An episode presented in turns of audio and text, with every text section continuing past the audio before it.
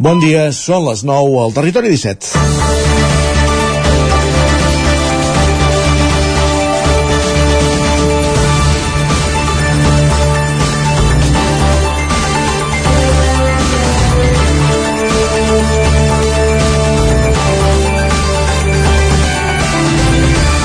Matí de contrastos al món audiovisual. Ahir, quan venia cap a la ràdio, escoltava la recomanació que cada dia fa Pep Prieto Can Basté de sèries o pel·lícules que podem trobar a les plataformes. Parlava de We Are Lady Parts, una sèrie que podem trobar filming sobre un grup de noies musulmanes que tenen un grup de punk a través del qual es rebel·len contra la religiositat que les envolta. Acte seguit llegia la crítica que Mònica Planes feia al diari Ara d'un nou producte d'HBO que feia venir ganes de donar-se de baixa de la plataforma un reality on tres noies han d'escollir un noi d'entre 21 que no sigui un fuckboy, aquells que només busquen sexe. Si un d'ells les aconsegueix enganyar amb l'amor romàntic, l'home guanya el concurs, la noia es queda sense res i és víctima més de l'escarni general. Avui, 8 de març, és dia per reivindicar sèries com la primera o el documental Sostre Groc, a més ahir el Sense Ficció, on les dones trenquen el silenci contra el que les limita com a persones i denunciar que es continuïn oferint productes on se les tracta com a objectes. Hi ha molt camí per recórrer, però la conscienciació i la implicació de tota la societat, començant pels homes, són els punts de partida per trencar sostres de vidre, vèncer xacres com la violència masclista i tendir a una igualtat que en ple segle XXI hauria d'estar fora de tot debat. És dimecres, 8 de març de 2023, Dia Internacional de les Dones, en el moment de començar el Territori 17, a la sintonia de la veu de Sant Joan, Ona Codinenca, Ràdio Cardeu, Ràdio Vic, el 9 FM, el 9 TV, ja ho sabeu també a través de Twitch, YouTube i la xarxa més. Territori 17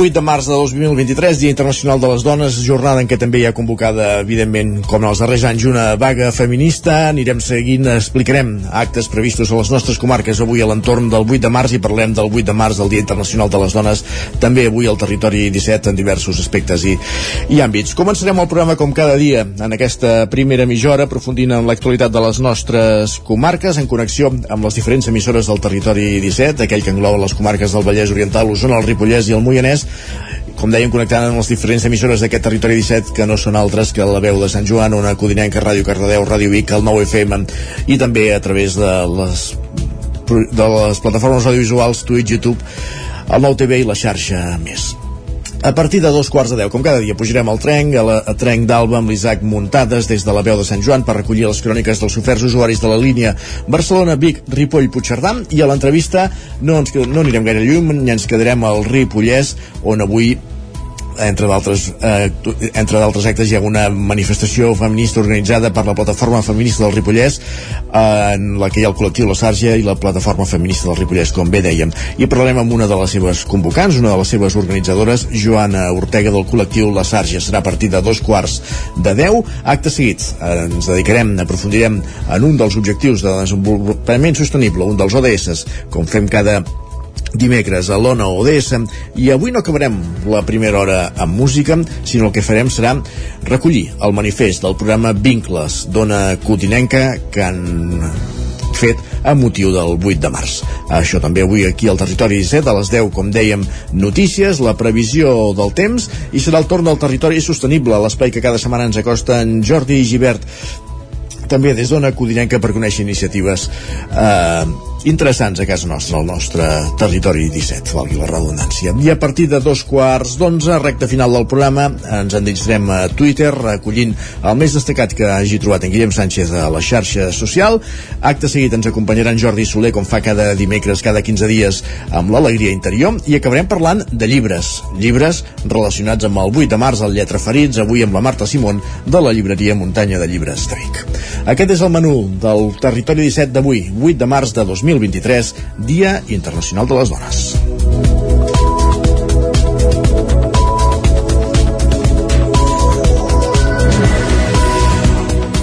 Osona omple el dia d'actes per commemorar, celebrar i reivindicar, sobretot, el Dia Mundial de les Dones, Sergi Vives. De fet, fa una hora que s'ha fet públic a les xarxes socials el manifest del 8M promogut per FEMDEO, el programa de la Cambra d'Osona, el Consell Empresarial i Creació per posar en valor el talent femení a les empreses.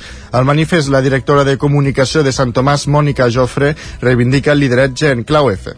Avui és un dia per tu i per mi sense diferències ja ho diu Joan Vinyets en el seu llibre Un món en clau F, amb aquell tarannà lluitador i aferrissat que va originar Lilith de l'Eden i que ara reproduïm, les que volem una societat equitativa. Avui, Dia de la Dona, destaquem 8 punts rellevants per incorporar a la nostra societat. 8 punts rellevants que descriuen 8 dones d'àmbits diversos. Cuidar més, potenciar l'efecte cap als altres. Estimar, que implica donar amor i també rebre'n. Pensar i reflexionar, deixant espai a la imaginació i també a la raó. Expressar, sentir-nos lliures d'explicar els sentiments i les emocions. Empatitzar amb els que ens relacionem, eliminant els prejudicis i escoltant sense esperar res a canvi. Cercar el benefici compartit amb una mirada a llarg termini, deixant de mirar-nos sempre al malic. Actuar de forma inclusiva, col·laborativa i participativa.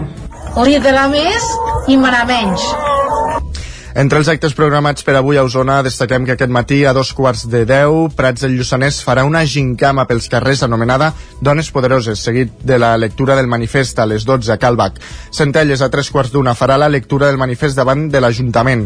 A dos quarts de cinc es farà la penjada de, de davantals. A un quart de vuit de la tarda hi ha programada una ballada de sardanes amb l'agrupació sardanista 1 d'octubre a la plaça Major i des del mateix punt, a les 8, començarà la marxa pels drets de les dones.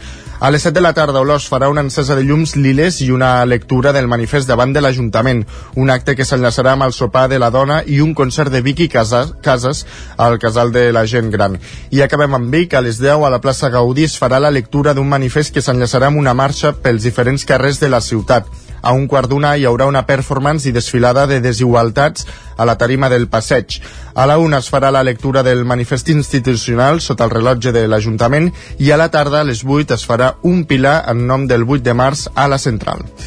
Gràcies, Sergi. Encara en l'àmbit del 8 de març, del Dia Internacional de les Dones, el Ripollès celebra el 8M amb un munt d'activitats per reivindicar la figura de la dona. Isaac Muntades, la veu de Sant Joan. Per celebrar el Dia de la Dona Treballadora, el Ripollès farà un munt d'activitats durant tot el dia repartides pels diversos municipis de la comarca. A Ripoll, el 8M, l'acte més institucional organitzat per l'Ajuntament, serà a partir de les 6 de la tarda al Casal Cívic de la Devesa del Pla amb la inauguració de l'exposició Dones que deixen empremta. Tot seguit es llegirà el manifest i es farà un aperitiu. Per la seva banda, la Sarja, el col·lectiu col·lectiu feminista del Ripollès impulsarà la manifestació feminista que començarà a l'Institut Abat Oliva de Ripoll a les 7 de la tarda i una hora i mitja després està previst un recital a càrrec de revers i la lectura del manifest feminista a la plaça de l'Ajuntament de Ripoll. I a Sant Joan de les Abadeses, l'Associació de Dones ha organitzat diverses activitats. Per exemple, es podrà escoltar el manifest a la veu de Sant Joan, però les activitats més importants es faran al cap de setmana. Diumenge, a les 12 del migdia, el Palau de l'Abadia acollirà l'obra de teatre i la música en directe de les històries íntimes de dones, i a tres quarts de dues es farà l'Assemblea General, els fogons del BAC i el dinar. A Can Davano els actes també es dividiran entre aquest 8 tema i divendres. Aquest dimecres a les 7 del vespre a la plaça Anselm Clavé s'hi farà la penjada de ventals com a acte reivindicatiu i la lectura del manifest. Divendres a les 7 de la tarda serà el torn de la conferència que hi ha després de la mort Evidències Científiques, a càrrec de Jaume Pujol, físic i professor de l'UPC a la sala auditori del Centre Cívic. I just després es farà el sopar de la dona amenitzat amb l'espectacle d'humor de Maica a la sala Diagonal. A Camprodon també hi haurà força activitats. El manifest es llegirà aquest 8 tema a la plaça de la Vila a càrrec de l'Associació de Dones de la Vall de Camprodon. Seguidament es farà un taller a càrrec de Creu Roja i una trobada de dones a l'Hotel Camprodon amb un dinar ambientat amb l'actuació musical de Due Eclipse. I de cara a dissabte, a les 5 de la tarda, es farà la sardana Té nom de dona amb la Copla Sol de Banyuls al Pavelló Vell i la jornada de reivindicació feminista a Ribes de Freser també serà potent, amb la lectura del manifest a les 12 del migdia. A les 6 de la tarda, el Casal dels Avis acollirà la presentació del llibre Una vida de secrets i silencis de l'escriptora Montserrat Picola, i el dissabte hi haurà l'espectacle de cabaret de pallasses a càrrec de la companyia Teatro sobre Ruedes a les 5 de la tarda a la plaça del Mercat i a les 7 de la tarda es projectarà al cinema Catalunya la pel·lícula Simone, la mujer del siglo. Gràcies, Isaac. Més qüestions. El Moianès, l'Assemblea Feminista La Birbada, se suma a la jornada de vaga del 8M i prepara una tracturada per manifestar-se pels carrers de Moià aquesta tarda. Roger Ram, zona codirenca. Sí, coincidint amb el Dia Internacional de la Dona, la Birbada se suma a la vaga convocada per la CGT i la Intersindical arreu del país.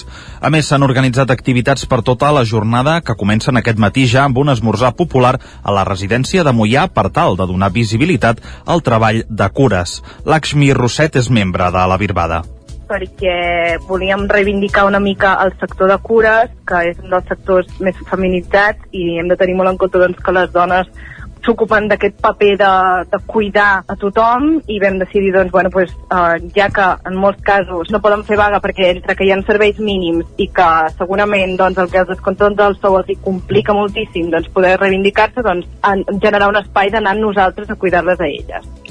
A les 12 del migdia es farà una xerrada col·loqui a la plaça del CAP explicant les 12 propostes de mínims per defensar la vida que proposa el col·lectiu i a continuació es farà un dinar popular no mixta a l'Ateneu la Polseguera. Al punt de les 7 de la tarda s'ha convocat, com dèiem, una tractorada pels carrers de Mollà. Sí, una mica volíem reivindicar això, no? El, la ruralitat i sobretot doncs, reivindicar les, les, les pageses perquè són, és un sector molt masculinitzat on bueno, diguem que no es reconeix gaire el treball que fan les dones pageses i, i hi ha molti, i, bueno, al Moianès tenim moltíssimes dones pageses que són unes cracs i bueno, doncs això reivindicar una mica que som feministes rurals la Birbada, que ha capitalitzat la majoria de reivindicacions de la comarca del Moianès, continuarà dissabte els seus actes del Dia de la Dona. De fet, Moià serà la seu de la segona jornada no mixta de la Catalunya Central. Pel que fa als pobles del Vallès Oriental, a Sant Feliu de Codines, Caldes de Montbui, Vigues i Riells del Fai, aquesta tarda s'inauguraran tres exposicions diferents dedicades a visibilitzar les dones. Les regidores d'Igualtat de tots tres municipis llegiran també manifestos per reivindicar el 8 aquest vespre i, en el cas de Caldes, hi haurà també un sopar amb l'actuació de l'actriu Rosa Fiter. Més qüestions deixem enrere els actes reivindicatius d'aquest 8 de març. Durant els propers 3 anys, Vic millorarà l'espai de la Ribera que hi ha a la ciutat per tal de naturalitzar el riu serà el resultat del projecte anomenat Riberes de Vic, fet per l'Ajuntament i el Centre d'Estudis dels Rius Mediterranis de la Universitat de Vic. Sergi Vives.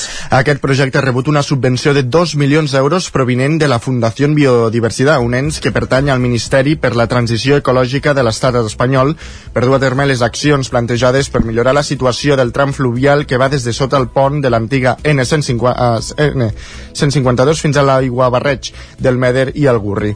En global, els diners es destinaran a un seguit d'intervencions per naturalitzar el riu, com per exemple retirar els murs baixos de formigó que hi ha a la zona del Remei i també a prop de Genís Antal. El regidor de Medi Ambient, Albert Castells, ha destacat que aquesta proposta de naturalitzar l'espai urbà no és que el com puntual, sinó que forma part del model de ciutat pel que estan treballant. Per tant, estem ja immersos en un model de ciutat que en tot el seu conjunt doncs torna a mirar la natura per com deia, insisteixo, la natura entri a la ciutat per aconseguir uns ecosistemes en definitiva més equilibrats que són el que ens aporta al final salut de les persones una convocatòria que té per objectiu finançar la restauració d'ecosistemes fluvials i reduir el risc d'inundacions en entorns urbans. Ho explica una de les membres de la Fundació Biodiversidad, Victoria Pérez. Buscaba precisamente eso, ¿no? Proyectos que eh, tuvieran como elemento central de la infraestructura verde urbana el río. Eh, un elemento fundamental para, para, poder acometer pues, este proyecto de conservación de la biodiversidad, eh, integrarlo también teniendo en cuenta la lucha contra el cambio climático y sobre todo para hacer eh, la ciudad más resiliente frente a, a los riesgos de inundación. Una altra de les actuacions que també es faran serà una gran zona verda, l'antic espai industrial de Genís Antel. Ho explica la regidora d'Urbanisme, Fabiana Palmero. Vam comprar, vam expropiar tota la zona de Genís Antel, que són 3 hectàrees, just de l'altra banda d'aquest pont, per poder consolidar un gran parc territorial. I lligar la ciutat, la trama urbana consolidada, amb el riu, i amb el riu com a protagonista la primera feina a fer, però, serà la redacció d'un pla estratègic per tal que els canvis a l'entorn del riu tinguin una continuïtat en el temps. Des del gener ja hi ha un tècnic de medi ambient centrat en el desplegament d'aquest projecte. I comença l'Escola de Cuina al Barris, la nova proposta de la Comunalitat de Vic i l'AC Vic amb la col·laboració del Casal Claret que persegueix la promoció del petit comerç de proximitat dels barris del sud de la ciutat, Sergi. Consisteix en fer una gincama pels diferents comerços on la ciutadania haurà d'aconseguir diferents ingredients per cuinar dues receptes, tal com explica des de la comunalitat de Vic, Marc Anyelles. Persegueix la promoció del petit comerç dels barris a través d'una gincama de participació ciutadana que, el, amb el qual volem doncs, que la ciutadania i les veïnes um, puguin anar a buscar uns, uns ingredients repartits en 10 comerços. Una altra finalitat del projecte és de trencar barreres culturals i en aquest cas ho fem a través de la cuina i és que els plats proposats són l'arira, una sopa tradicional marroquina i les torrades de Santa Teresa. En el projecte hi, ha, hi han col·laborat cinc escoles del barri que han fet dissenys dels ingredients per posar els aparadors eh, dels comerços participants. Ho ha explicat Jia Zeng Chen, un dels alumnes de l'escola Vic Centre. A la nostra escola ens va tocar l'espigador doncs un dia van anar tota la classe per veure on està i conèixer la botiguera qui treballa i vam anar també per agafar idees i doncs les vam passar paper per elaborar les receptes es pot accedir al web del projecte anant a acbic.org. Les persones que completin la ruta obtindran una bossa d'ertela de regal per anar a comprar. Anem cap al Vallès Oriental, concretament cap a les franqueses del Vallès, perquè treballadors municipals d'aquest Ajuntament denuncien pressió i accés de feina. Pol Grau, Ràdio Televisió Cardedeu. Un grup de treballadors de l'Ajuntament de les Franqueses, de diferents àrees, ha firmat aquest dimarts un comunicat intern on expressen diverses queixes sobre les condicions en què treballen. També denuncien que a hores d'ara encara no han rebut els increments salarials corresponents al que es va aprovar en els pressupostos generals de l'Estat. El document, que ha estat enviat als mateixos treballadors municipals i als diferents grups del consistori, el va firmar part de la plantilla del Patronat de Cultura. Després, s'hi van afegir alguns treballadors del Patronat d'Esports i més tard els de manteniment de Patronat de Cultura i els de Seguretat Ciutadana. També es queixen que fins ara no tenen cap informació informació sobre en quin punt es troba la valoració dels jocs de treball. I sobre el fet de no haver cobrat l'augment salarial, lamenten que, tot i la raó és que l'Ajuntament encara no ha aprovat els pressupostos municipals per aquest any, sí que es modifica el pressupost per a realitzar altres accions. En aquest sentit, es queixen de tenir un pressupost prorrogat comporta encara més feina de la que ja suporten. Sobre aquestes queixes, el grup municipal d'Imagina Esquerra en Comú ha més aquest dijous un comunicat en què explica que s'ha posat en contacte amb el Comitè Unitari dels Treballadors per traslladar-los el seu suport i demanar-los que liderin aquesta situació, a més d'oferir-se políticament per trobar una solució. I un últim apunt per explicar que alumnes i mestres de les escoles Badruna de tot el país i entitats amb qui han col·laborat, al voltant de 1.200 persones, es van reunir dissabte al recinte Firal del Sucre de Vic per participar al Global Camp de la Fundació Badruna Catalunya Educació. Sota el lema Comprendre, empatitzar i actuar per transformar el món, es van poder veure una mostra amb 66 projectes educatius que han impulsat els alumnes d'aquests centres i pels quals es van interessar la consellera d'Acció Climàtica, Teresa Jorda. No ens, ens ha de fer por el verb de créixer perquè moltes vegades s'ha de créixer per créixer i per créixer d'una altra manera. I avui jo surto amb un missatge i encara no he vist tot el que heu preparat aquí fora però amb un missatge d'esperança. Perquè que la gent més jove ens feu obrir els ulls o feu obrir molts ulls em sembla que és primer una clatellada i segon un missatge molt clar perquè nosaltres també som responsables de deixar-vos un món millor totes eren experiències educatives en objectius de desenvolupament sostenible. Durant la jornada es van compartir propostes que promouen nou, nous hàbits i actituds de respecte i compromís amb l'entorn, més enllà de l'escola, i que s'han portat a terme amb la complicitat d'alguns agents socials i entitats locals. Gràcies, Sergi. Acabem aquí aquest repàs informatiu que començàvem al punt de les 9 en companyia de Sergi Vives, Pol Grau, Isaac Muntades i Roger Rams. És moment al territori 17 de saludar també en Pep Acosta.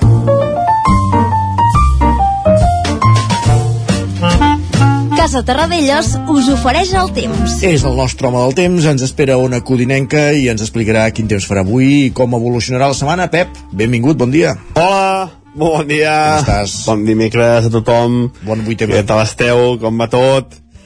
Uh, quina pujada de temperatures, eh? Quina pujada de temperatures... Sí, noi. Um, res a veure les mínimes amb la setmana passada. La setmana passada una setmana ple hivern, amb moltes mínimes sota zero i molts graus sota zero. Avui pràcticament cap glaçada, només trobem una glaçada a les parts més altes del Pirineu, cap a Ull de Ter, cap a, cap a Vallter, i, i, i, i, i en, en pocs llocs més, eh, temperatures àmpliament positives, eh, mínimes de 6, 7, 8, 9 graus fins i tot, un ambient suau, i per què? Doncs perquè ens van passant aquests fronts eh, atlàntics, aquests fronts d'oest, i ha entrat al ponent. El ponent, eh, el vent, eh, ahir a la tarda va, va fer un cop una mica fort al ponent i aquest vent arriba molt escalfat a casa nostra, arriba calent, arriba amb molt poca precipitació i a sobre arriba això, eh, calent i fa que la temperatura pugi de manera moderada. Uh, és que, és, que, és, que, és que més males notícies no podem tenir amb aquesta sequera enorme que estem tenint.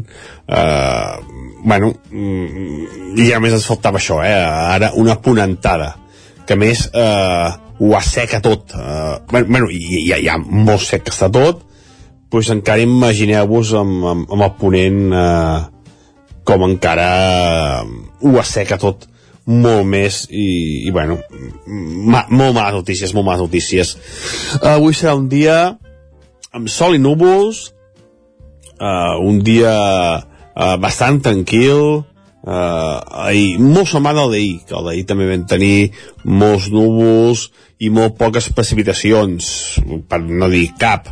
Doncs avui serà igual. Uh, uns fronts desgastats que ens van passant que sí que puja cap a, cap a l'oest de la península ibèrica, però que a casa nostra, malauradament, no deixen gairebé ni una gota. Uh, de cara a la tarda, potser sí que més núvols, uh, no, no es descarten no? quatre gotes cap a zona del Pirineu, que Baiter, però bueno, no, no, ni de bon tros no serà una puja destacable. Uh, el vent de Ponent eh, no serà tan fort com ahir, eh, cops de, de 30-40 km per hora, tot estirar, però eh, el notarem descalfat, eh, descalfat, es notarà aquest... Eh, la setmana passada el vent es notava molt fred, eh, gelava, i avui ja notarem que aquest vent és bastant més càlid, més càlid que, els que ens afectaven a, els dies passats. De cara a demà, sembla que arriba un front una mica més actiu. Aviam, aviam si els mapes no enganyen i per fi arriba una mica, una mica de pluja i de cara al cap de setmana, atenció, perquè veurem moltes mànigues curtes.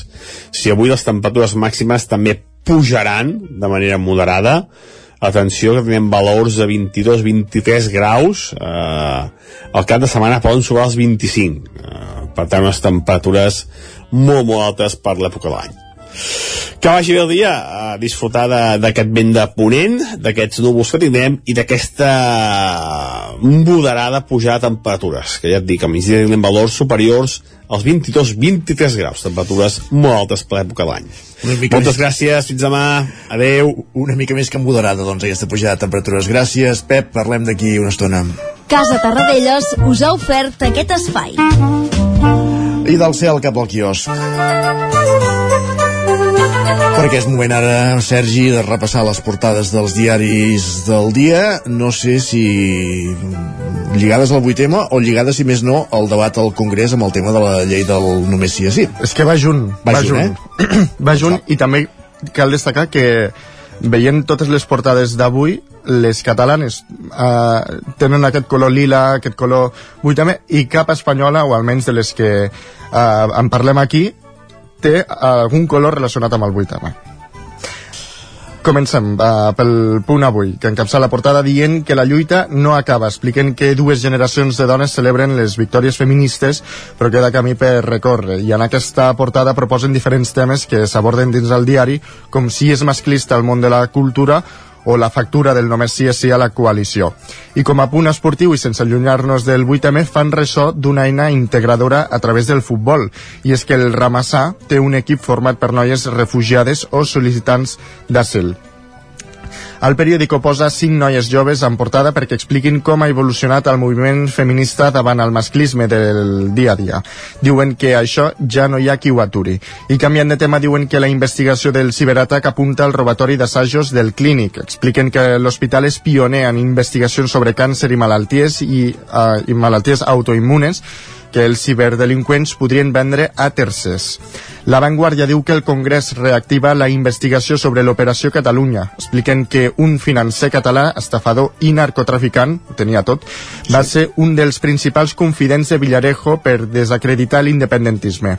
També destaquen que el govern central ha donat llum verda a la llei de la paritat a les grans empreses i per altra banda diuen que cinc menors han estat detinguts per agressió sexual a una nena d'11 anys. A Badalona, eh? Exactament.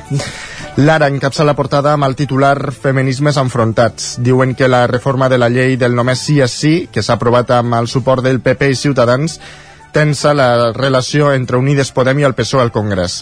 També expliquen que la gran empresa catalana està lluny del 40% de dones als consells d'administració que preveu l'avantprojecte de la llei de paritat. I per altra banda diuen que el govern català aprova encara sense pressupost un pla per repartir gratis productes sostenibles per a la menstruació a 1.800.000 catalanes. I anem cap a Madrid. El país diu que la Fiscalia denunciarà el Barça per corrupció. Expliquen que Bartomeu és acusat eh, és eh, un dels acusats d'administració deslleial pels pagaments a Negreira. També diuen que una onada de vagues i protestes desafia Macron per les pensions. L'ABC diu que el PSOE s'enfarta de la impresentable de Montero, impresentable entre cometes. Expliquen que el PSOE es, eh, es resignen a modificar el sí a sí amb l'oposició pel, amb l'oposició pel rebuig de Podem. Deia que impresentable estava entre cometes perquè una diputada del PSOE ha qualificat així a Irene Montero. Carai, com me les gasten. Sí. El Mundo diu que el PSOE tem sofrir situacions desagradables avui durant el 8M. Expliquen que hi ha preocupació real de que hi hagi protestes contra els vuit ministres socialistes que aniran a la manifestació. Podem, per la seva banda, acusar el seu soci de govern de traicionar les dones per reformar el CSI amb el PP i Ciutadans. La Razón diu que Xina alerta sobre un conflicte amb els Estats Units per la seva estratègia de contenció. Expliquen que amb el seu debut com a ministre d'Exteriors, King Gang va mantenir un to beligerant amb Washington a qui va acusar de voler controlar la Xina. També va exalçar eh, la seva relació amb Rússia com un exemple d'estabilitat. Aquests eh, són els titulars de les portades d'avui. I repassem ara també digitals, a l'edició d'Osona i el Ripollès del 99.cat. Doncs que l'ampliació de l'escola a Institut de l'Esquirol s'enfilarà a 2,5 milions d'euros. I a l'edició del Vallès Oriental? Doncs que les dones predominen als càrrecs directius d'educació, salut i justícia. Dit tot això, el que fem és una pausa al Territori 17 i continuem d'aquí 3 minuts. Fins ara mateix. El nou FM, la ràdio de casa, al 92.8. Cefosol, centre de formació de soldadura GURB. Som especialistes en processos de soldadura. Disposem d'instal·lacions totalment equipades per classes de teòrica i pràctica amb cabines individuals i equipaments de seguretat. Assessorem empreses i oferim cursos subvencionats i bonificats. Vine i t'informarem. Cefosol, som al carrer Sant Roc, número 9 de GURB. Telèfon 664 206 192. També ens trobaràs a cefosol.com i a YouTube. Estàs preparat per aquest estiu? A Boi Galter som especialistes en tot allò relacionat amb la protecció solar per a qualsevol necessitat d'espai, tant nals, pèrgoles, escrins interiors. Anticipa't a la calor. T'assessorem i t'oferim la màxima garantia de confort i benestar per casa teva. No ho dubtis i vine a Boi Galtés. Ens trobaràs al carrer Jaume I de Vic número 5 al 93 886 1420 a la nostra web www.boigaltes.com i també som a Instagram boigaltes.tendals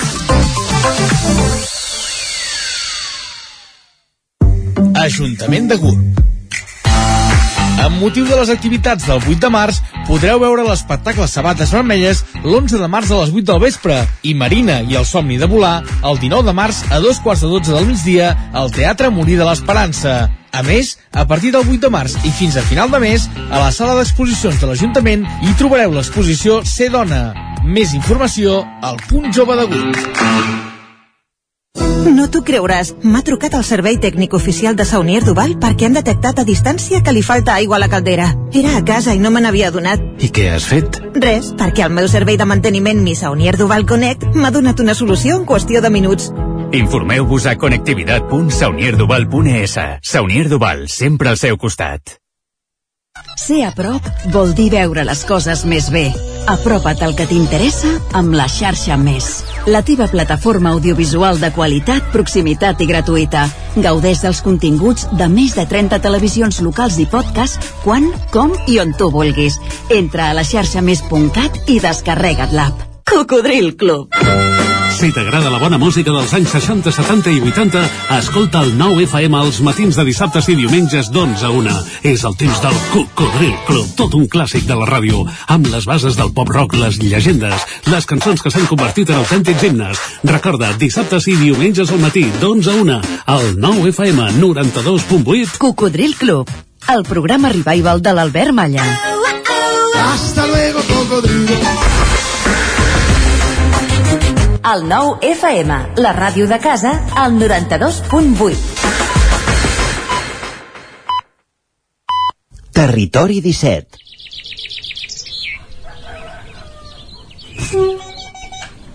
A Tren d'Alba. Cada dia els usuaris i usuàries de la línia R3 de Rodalies que veuen sortir el sol des d'un vagó ens expliquen les gràcies i les penes del primer comboi que uneix Ripoll i Barcelona o les feixugues jornades amb el tren després de treballar. Benvinguts a Tren d'Alba. Doncs avui, en el Dia Internacional de la Dona Treballadora, el 8 de març, hem de dir-vos que Ferrocarrils de la Generalitat de Catalunya ha obert una convocatòria per seleccionar 100 persones que accediran a un curs de formació de maquinistes i que, un cop superat, s'incorporaran a una bossa per cobrir les vacants que generin a les línies Barcelona-Vallès i Llobregat-Anoia. La convocatòria inclou la perspectiva de gènere i té en compte el que preveu el Pla d'Igualtat d'Oportunitats de Ferrocarrils d'arribar a tenir una plantilla amb una presència de dones i homes que assoleixi la paritat. Així, la convocatòria contempla que s'han de garantir que, com a mínim, s'incorporin al curs de formació un 40% de dones, sempre que el nivell obtingut sigui l'establert. El període de presentació de sol·licituds s'obrirà el pròxim 16 de març i es tancarà el 21 de març, o prèviament si s'arriba al nombre màxim xifrat en 1.500. Es convocarà les persones admeses a una prova de coneixements que es realitzarà previsiblement el dia 12 d'abril i posteriorment a una prova psicofísica. Els cursos de formació es faran al maig i al setembre d'enguany. Actualment hem de dir que un 32% de la plantilla de ferrocarrils de la Generalitat de Catalunya són dones. La companyia va aprovar al febrer de 2021 l'estratègia d'activisme, un full de ruta per posicionar la companyia com una empresa activista en matèria de responsabilitat social i en la contribució a l'agenda 2030 de Nacions Unides. En aquest sentit, un dels quatre pilars de l'estratègia és avançar en la igualtat efectiva amb l'objectiu d'esdevenir una empresa paritària l'any 2025, impulsant un canvi cultural basat en valors feministes com l'equitat de gènere, la corresponsabilitat, l'empoderament femení o el compromís contra les violències masclistes. Va, en retrobem demà amb més històries del tren i de l'R3. Territori 17, el 9 FM, la veu de Sant Joan, Ona Codinenca, Ràdio Cardedeu, Territori 17. Passen dos minuts de dos quarts de deu del matí.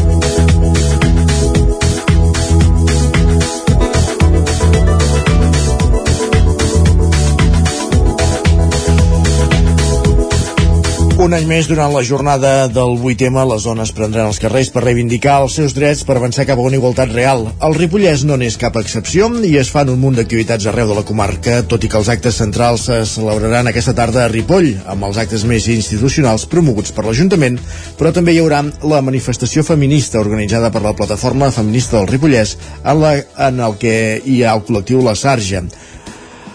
Anem fins a la veu de Sant Joan amb l'Isaac Muntades per ampliar aquesta informació i introduir-nos l'entrevista. Benvingut, Isaac, bon dia. Bon dia, Isaac. Sí, avui per parlar precisament d'aquesta manifestació i de totes les activitats que du a terme a la plataforma feminista del Ripollès, en aquest cas en el paraigua de la Sarja, doncs durant l'any i també de, de l'opinió de les dones sobre aquesta jornada tan reivindicativa, per fer-ho eh, tenim amb nosaltres eh, una membre d'aquest col·lectiu, la Joana Ortega, que ens donarà eh, tots els detalls. Bon dia, Joana, i moltes gràcies per atendre'ns en un dia que sé que és molt complicat perquè teniu molta feina. Molt bon dia, moltes gràcies a vosaltres per, per oferir-nos una entrevista. Sí, anem una mica en feina. M'imagino que això, eh, comentaves que teniu molta feina. Per començar, aquesta tarda hi ha tots els actes que promoveu des de la plataforma feminista del Ripollès, a través també del col·lectiu La Sarja. No sé què fareu exactament, quin és el recorregut que tindrà la manifestació, les activitats preparades, i no sé si també hi haurà alguna acció sorpresa, que sol ser una cosa que normalment feu. Doncs les accions sorpreses seran això, seran sorpresa l'entrada i enguany, com la majoria d'anys i com els últims anys anem fent, sí que animem també a la vaga de, de consum de cures i laboral. Entrada, llavors la manifestació està convocada a partir de les 7 de la tarda eh, davant de l'Institut Abat Oliva que és un punt de referència que l'utilitzem sempre per intentar abarcar el màxim de recorregut possible de la vila llavors Mm, una mica el recorregut habitual que és carretera a Barcelona, passem pel centre i acabem a, a la plaça de l'Ajuntament. Un cop allà eh, les companyes del grup Revers que fan recitals de poesia feminista ens faran un recital de poesia feta per dones i en clau feminista i després passarem a la lectura al manifest Mm -hmm. aquesta serà la jornada d'avui. Citaves ara la, la vaga convocada per, per avui. Quin seguiment té, més o menys teniu dades orientatives del seguiment que pugui tenir el Ripollès?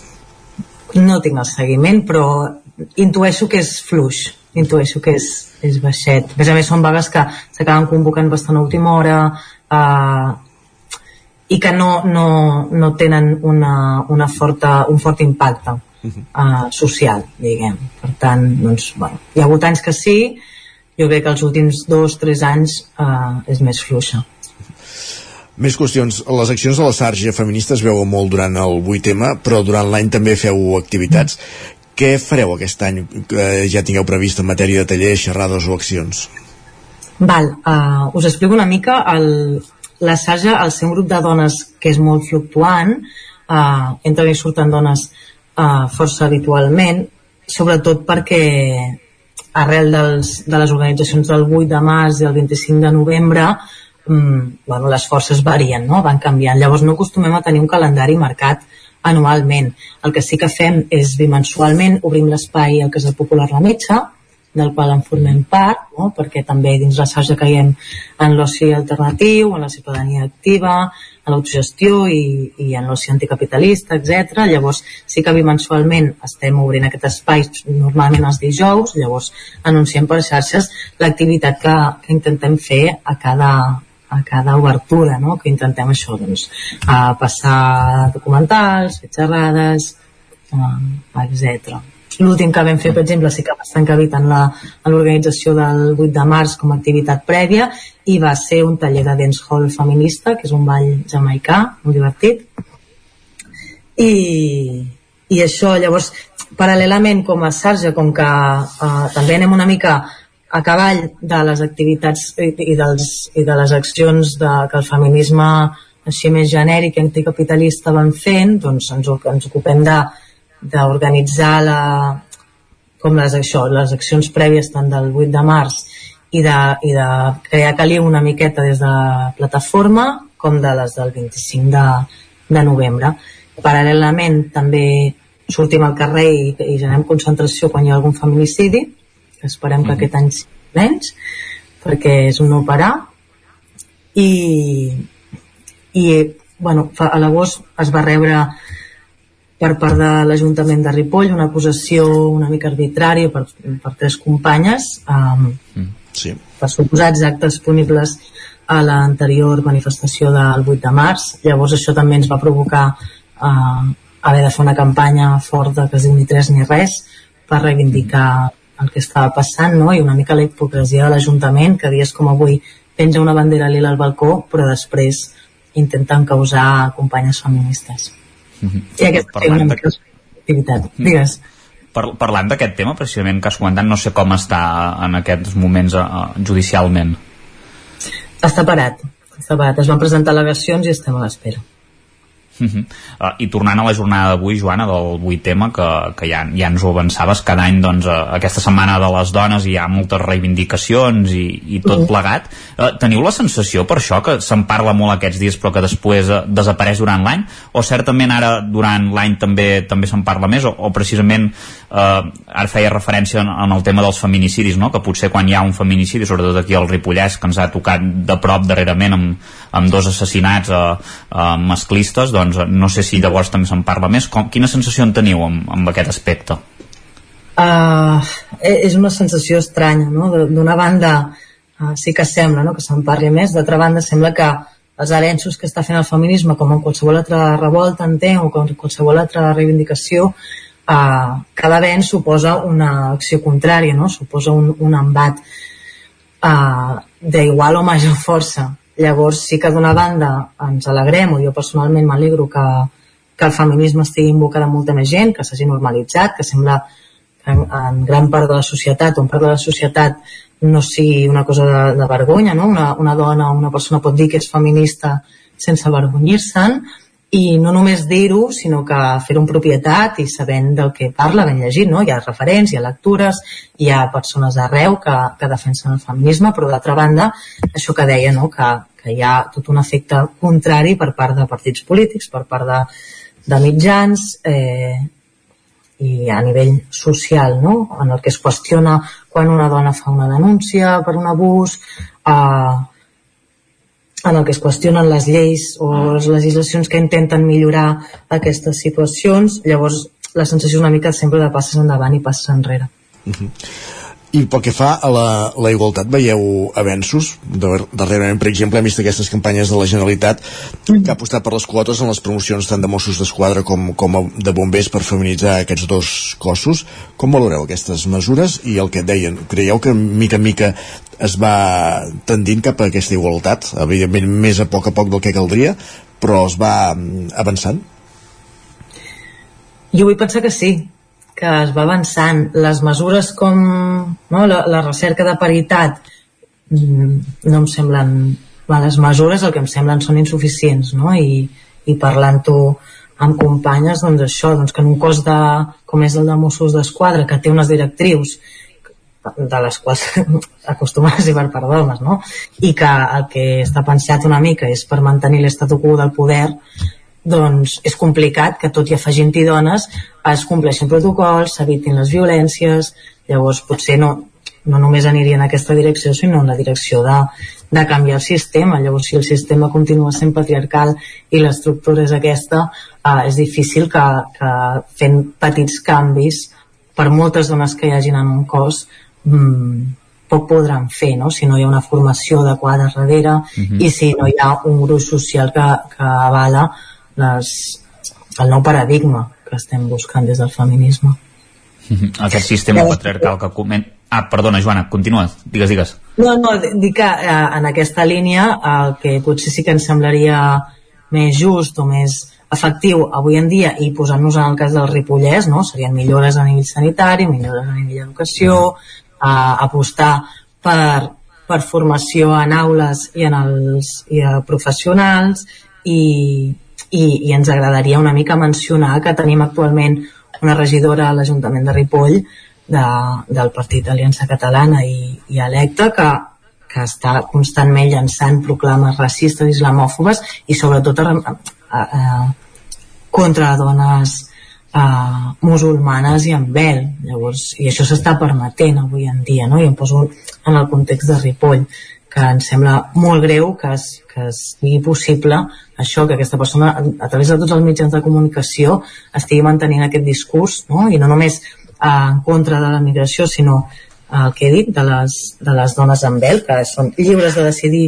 si el porten o no el porten o quines contradiccions volen assumir o no volen assumir o, però també eh, ataca la llei trans també ha atacat els programes d'educació afectivo-sexual a les aules llavors eh, això són coses que sí que ens agradaria que es poguessin solucionar Mhm. Un altre dels temes també que, que comentàvem eh, del, del sistema patriarcal suposo que el tema de la bretxa salarial no? que això també incideix, no? que ja des de fa molt temps doncs, les, els homes solen cobrar més que les dones per fer la mateixa feina això a, a poc a poc es va reduint o entenc que és un tema que eh, va molt més lent del que, del que hauria d'anar Sí, sí, va lent, però no sento que vagi lent per l'equitat de sous, sinó perquè existeix la feminització de la pobresa, no? I avui en dia, a, ahir veia una notícia del 324, no? que, en el que s'explicava que les dones avui en dia encara segueixen ocupant-se de les criatures en, en gran mesura i, i això fa que aterrin més tard al mercat laboral, que cotitzin menys anys, etc. No? Són les petites coses que fan que no només hi hagi uh, diferència en els sous, que pot ser o no pot haver-se o no millorat, que jo penso que sí, sinó que a nivell genèric eh, les dones estem més precaritzades, fem, generem més mercat laboral amb bé eh, i, i, i, i ens ocupem de tasques que no estan ni, ni regulades ni, ni remuneritzades ni remunerades, perdó. Anem acabant ja, Joana, no volíem marxar sense demanar-te també per, per la llei del només sí és sí, que ahir protagonitzaven els dos socis del govern espanyol, PSOE i Podem, votant dividits, eh, Podem defensant la primera llei que es va aprovar i el PSOE defensant aquesta reforma que, que s'aprovava ahir. Des del vostre punt de vista, eh, què ha fallat en aquesta llei o, o llei o, o si no ha fallat, si la veieu bé tal com està fins, fins, com fins ara? Sincerament, no hem tingut aquest debat, perquè amb la feina que comentàvem, no, ens costa molt eh, conformar o, o treballar en opinions com a sarja o com a plataforma, el que sí que personalment penso que s'ha generat molt de rebombori i com que no sóc jurista ni, ni entenc de lleis, m'he pogut llegir algun article que en parla i em sembla que té moltes millores aquesta llei, llavors endavant i evidentment revisar els casos en els que en els que hagi fallat, en els que s'hi hagi hagut reduccions de penes, però però sento que hi ha hagut molt més altaveu d'opinions conservadores i per anar a fer mal que no que, que la llei sigui errònia o, o sigui un problema. problemàtic. Avui és 8 de març, jornada de, de reivindicació. N'hem parlat amb la Joana Ortega del col·lectiu La Sarja de, del Ripollès, que, com bé dèiem, avui també sortiu al carrer. Moltíssimes gràcies per, per acompanyar-nos. I a vosaltres, ja moltes gràcies. Bon dia. Adéu. Gràcies també, Isaac, per acompanyar-nos un matí més. Gràcies a vosaltres. Avancem al territori 17 i ara parlem de literatura i dones, a l'ONA ODS.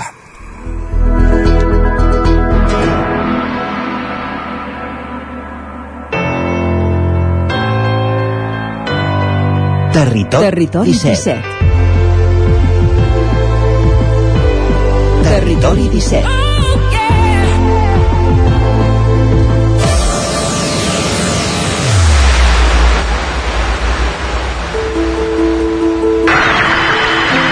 Porque yo podría, y me atrevería a decir, que el individuo no es más que un eslabón, un pequeño eslabón en una larguísima cadena, cuyo origen se pierde en la noche de los tiempos i cuyo fin està todavía por forar. L'aleteig d'una papallona es pot sentir a l'altra punta del món. Tot comença per tu. Susara Avia Punto.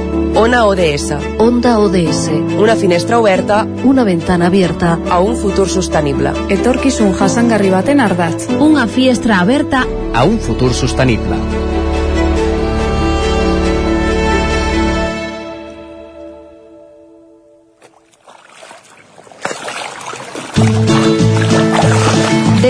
Als clubs de lectura, l'espai d'interrelació de les dones amb la Judit Mellado. Ella és formadora en igualtat i també coordinadora del club de lectura L'Hora Violeta, de l'associació Dona Segria Nord per la Igualtat, però també impulsora d'altres clubs de lectura feminista. Eh, Judit Mellado, benvinguda. Molt bon dia, Pili. Moltes gràcies. Quins són els objectius d'aquests clubs de lectura? Mira, jo penso que un dels de objectius principals que, que té el Club de Lectura Feminista és, eh, en primer lloc, donar a conèixer la literatura escrita per dones, sí? Eh, en segon lloc, eh, parlar de temes, però des del punt de vista femení, perquè llibres que parlin sobre qüestions del dia a dia, de la maternitat, de les relacions personals, de l'amor, ha, la literatura n'està plena, no? però des del punt de vista eh, experiencial de la vivència del procés de socialització de les dones doncs no està, no està tan treballat i després també eh, com a objectiu final es tracta de la reflexió no? a partir de les experiències eh, llegides no? del que passen eh, eh, amb els, i les protagonistes dels llibres doncs poder extrapolar aquelles experiències no? a la nostra realitat per intentar eh, aprendre no? a, també eh, a posar nom a situacions, a identificar estereotips, rols de gènere, processos de socialització diferenciat, tot a partir de eh, la literatura. Però que és, una, eh, és un aprenentatge no? que després podem aplicar al nostre dia a dia. Volia preguntar també doncs, això, què són els clubs de lectura feminista i l'evolució que hi ha hagut no, dels clubs de lectura feminista al llarg de, del temps. Sí, perquè mira, això és molt curiós, perquè eh, els clubs de lectura van aparèixer com a mitjans dels anys 80, eh, en una, va ser un projecte d'una biblioteca de Guadalajara i eh, va tindre tant èxit que al cap de 10 anys està eh, estès a totes les biblioteques de, del país. No? Eh, el perfil que va començar amb, aquest, amb aquests clubs de lectura eren normalment o gent jubilada o mestresses de casa amb nivells educatius doncs, justets, no? Estem parlant dels anys 80. Què ha passat? Doncs que el perfil dels usuaris i les usuàries ha anat canviant i ara podem dir que eh, el perfil és pràcticament o majoritàriament femení, no? amb uns estudis alts i això ha fet que eh, els clubs de lectura es vagin especialitzant. Ja no són clubs de lectura generals, no? de literatura general, sinó que s'han anat especialitzant en gèneres, en temàtiques, no? i el, eh, els clubs de lectura en perspectiva de gènere doncs és un invent relativament recent. Estem parlant de que tenen com uns 10 anys de, de, de vida, no? I, per exemple, nosaltres aquí al Segrià doncs, tenim sort de, eh, de tindre varios clubs de lectura, bueno, varios, dos, el de la Biblioteca Pública de Lleida i el que fem a l'Associació Adona Segrià Nord per la Igualtat. Uh -huh. Tu vas ser també una de les impulsores del Club de Lectura Feminista de la Biblioteca de Lleida, de la Biblioteca Pública de Maternitat, precisament. Sí, sí, sí, juntament amb la, amb la bibliotecària de la sala de préstec, amb l'Anabel Ramos, vam iniciar el, el club de lectura eh, doncs una habitació pròpia i també eh, l'objectiu era el mateix, no? donar a conèixer aquesta literatura escrita per dones no? i analitzar-la des d'una perspectiva de gènere, d'acord? I, I una mica eh, la, la idea és eh, rescatar tota aquesta literatura, ja sigui eh, actual o anterior no? d'altres èpoques, d'escritores també eh, doncs d'altres països, d'altres cultures, per veure la diversitat que hi ha no? a l'hora de plantejar eh, qüestions de gènere depenent de on vinguis, de quan hagis viscut, de quina cultura no? tinguis, estiguis inscrit en aquesta cultura, quines arrels tens, quines creences, no? i això és, ho fa molt interessant. Uh -huh. eh, Parla'ns de la participació. Eh, qui participa i quins són els llibres que també escolliu? Val, doncs mira, eh, a nivell de participació eh, jo crec que és, eh, és molt important destacar que als clubs de lectura feminista tenim principalment dones, però que a més a més eh, ens movem amb una franja d'edat eh, molt àmplia, des de gent de 20 i pocs fins a gent de 70 i molts, amb la qual eh, es genera una relació intergeneracional no? Que és molt difícil que es doni en d'altres espais perquè eh, la gent que arriba, les dones que arriben en aquests clubs de lectura és per un costat doncs, perquè els agrada llegir, no? per aquest interès per la literatura, però també per aquest interès per qüestions de gènere, per qüestions eh, d'àmbit feminista, no? i eh, per, a que, per buscar aquesta perspectiva diferent no? de la literatura tradicional. A més a més, eh, pensa que en aquests espais el vincle que es crea entre les participants és molt fort, no? Eh, quan parles amb elles, doncs totes destaquen pues, aquesta, aquesta complicitat no? que es genera dins del grup, no? aquesta, aquesta relació entre iguals, que això e, és un dels punts principals no? d'aquesta relació entre iguals, de que es sentin còmodes no? per poder manifestar tranquil·lament no? i sense por i sense vergonya i sense acomplexar-se el que pensin sobre determinades qüestions. Uh -huh. no? I això fa que es generi un vincle, una sororitat no? entre aquestes participants doncs, que a més a més es va fiançant no? d'una sessió per l'altra, amb la qual les que ja portem equips anys participant en aquests grups, doncs, jo, és que el que tens a, a, en aquest grup ja no són companyes de club de lectura, és que són amigues, és que són gent amb la que comparteixes no? eh, experiències, amb la que debats, amb la que aprens, no? amb la que aprens també a autoconèixer-te tu mateixa, no? Eh, és, és una relació molt, molt interessant i molt bonica. Per això suposo que també vas posar aquest títol del safareig als clubs de lectura. Amb aquest sí, espai sí, sí, de sororitat. Perquè, clar, perquè, fixa't, eh, eh, eh, jo vaig plantejar aquesta imatge de, del safareig, no? perquè el safareig era un espai de eh, relació per les dones, no? Era un espai on es duia a terme aquesta activitat de, de, que feien principalment les dones, no? eh, un espai que relacionaven dones de totes les edats, no? que mentre, mentre feien la bugada doncs compartien, eh, parlaven, xerraven, eh, es canviaven receptes, eh, canviaven notícies, bueno, o sea, bueno, comentaris, no? però a més a més també era un espai de cures, en, perquè aquestes dones com conciliaven s'emportaven a la canalla al rentador i mentre les joves o les, les mares rentaven, els més petits jugaven i les més grans també aguaitaven, vigilaven, no? amb la qual és un espai d'interrelació. Què ha passat amb el temps? Doncs, evidentment, com té, o la majoria de les persones tenim rentadora a casa i ja no, no és necessari anar al safareig i aquests espais d'interrelació entre dones havien anat desapareixent. Han estat substituïts avui en dia pels clubs de lectura, no? És, és un espai on es relacionen dones no? de diferents procedències, de diferents edats, però amb una activitat comuna, en aquest cas comentar la literatura. No? A més, fer safareig té una connotació negativa i tu aquí li has volgut donar la connotació positiva de la sororitat, de fer xarxa. Sí.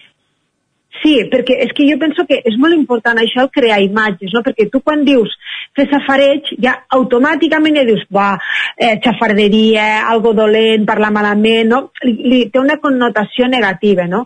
En canvi, eh, jo he volgut donar-li el tom no? i, i plantejar-ho com, bueno, eh, és un grup de dones que sí que estan parlant, però però no per malmetre, no per eh, contar-se xafarderies ni tal, sinó que estan compartint coneixement, estan creant no? A, a, aquesta, a, que, a aquest punt de partida, aquesta unió entre elles, aquest vincle, estan teixint, estan teixint xarxa, no?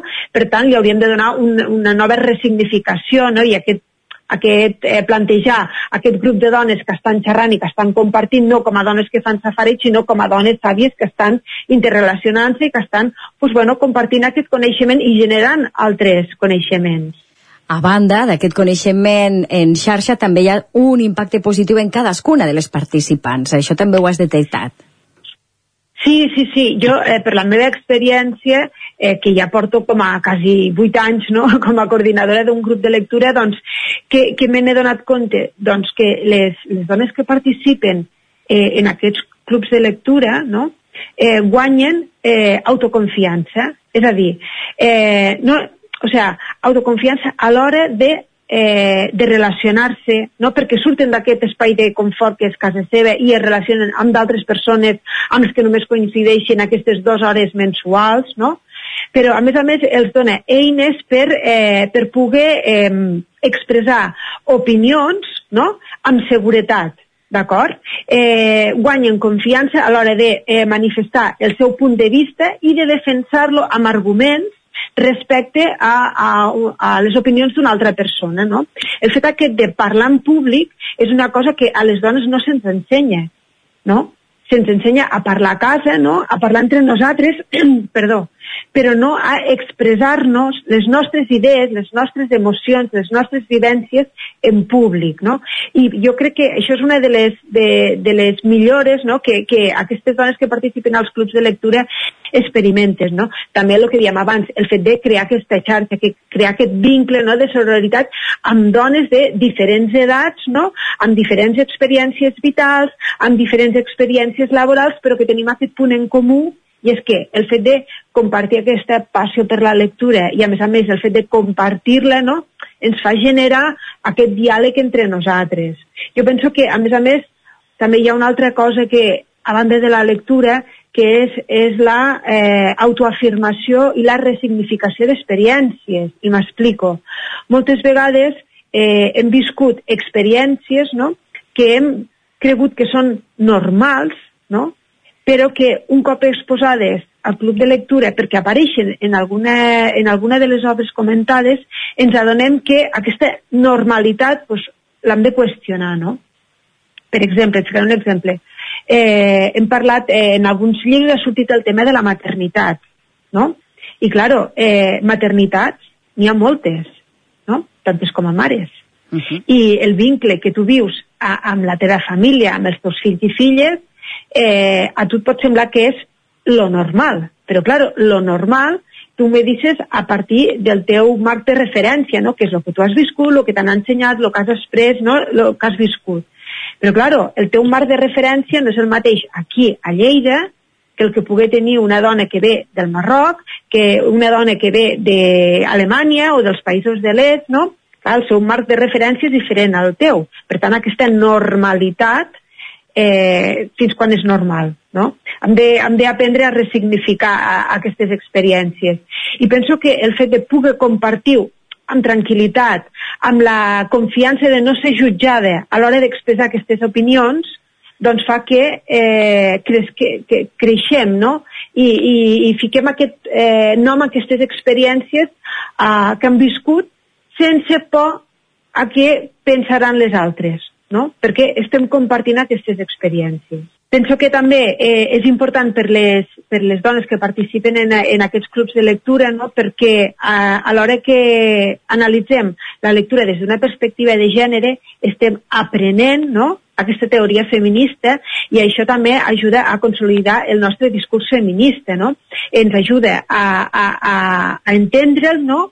I a aprendre a defensar-lo amb arguments que siguin eh, sòlids i, i contrastats respecte a d'altres postures, no? I al mateix temps també és una manera de eh, prendre autoconsciència de qui som. Judit Mellado, formadora en Igualtat, moltes gràcies. Gràcies a vosaltres. En punt, les 10 al Territori 17. Territori 17. És moment al territori 17 de posar-nos al dia, d'actualitzar-nos amb les notícies més destacades de les nostres comarques i ho fem en connexió amb les diferents emissores del territori 17, on acudirem que la veu de Sant Joan, Ràdio Cardedeu, Ràdio Vic, el 9FM, també ens podeu veure a través del 9TV, Twitch, YouTube i la xarxa més. Per explicar-vos aquesta hora que només dos plens perquè s'esgoti el mandat, la polèmica torna efecte de presència al ple de l'Ajuntament de Vic. No va ser fins al punt 9 de l'ordre del dia, quan govern i oposició van fer evidents les seves discrepàncies respecte al romanent de tresoreria l'emprenedoria i les inversions. Natàlia Peix amb els vots a favor de l'equip de govern d'Anna R i l'oposició en bloc votant en contra. Així és com finalitzava el punt número 9 de l'ordre del dia del ple de l'Ajuntament de Vic d'aquest dilluns. La polèmica va tornar a ser la protagonista al plenari quan Núria Oms, regidora de Benestar i Família, portava a votació una modificació de crèdit del pressupost amb una partida del romanent de tresoreria. Un paquet de 4.800.000 euros que ha de permetre, entre d'altres, ampliar el cap del remei i adequar el centre cívic Joan Triadú. L'actuació que va encendre el plenari, però, va ser aquesta. I també hi ha una aportació important als, al mil·lenari, a la celebració del mil·lenari de l'abadia de Montserrat.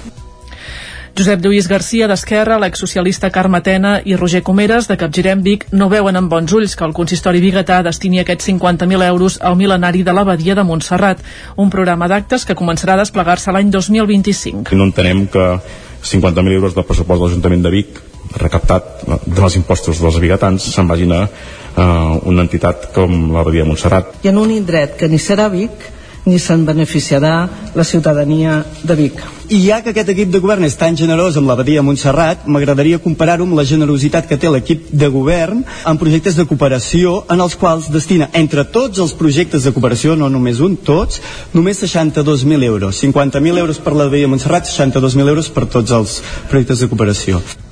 Qui va intentar calmar les aigües va ser l'alcaldessa Anna R, que va explicar que l'Ajuntament dona suport econòmic a l'abadia de Montserrat des dels temps de Josep Maria Vila de Badal, una herència que va quedar sense efecte el mandat passat i que R ha volgut recuperar amb la voluntat, deia, que la ciutat de Vic sigui a la llista d'institucions que han donat suport al mil·lenari de la institució. Hi ha ajuntaments, i aquest ajuntament ho havia fet, i va caure el mandat passat, que cada any tenen un conveni que cada any donen diners en previsió per aquest mil·lenari ho vam deixar de fer-ho d'aquí perquè no va haver-hi possibilitat. I potser ni, ni acord polític perquè ens ho van fer caure. Això ja era un, un acord, un conveni que amb l'alcalde Viladal vam començar. Ara ens ho van tornar a venir a demanar i si més no, decisió meva i personal com a alcaldessa vull que quan es celebrin els mil anys com a institucions públiques i privades, quan hi haurà molts ajuntaments, ajuntaments que continuen fent conveni any rere any i van pagant, també hi hagi la ciutat de Vic. Tot plegat en un ple que va tenir una durada de 3 hores i que només dos plens de finalitzar el mandat va tornar a fer evidents les discrepàncies entre govern i oposició que han marcat tota la legislatura.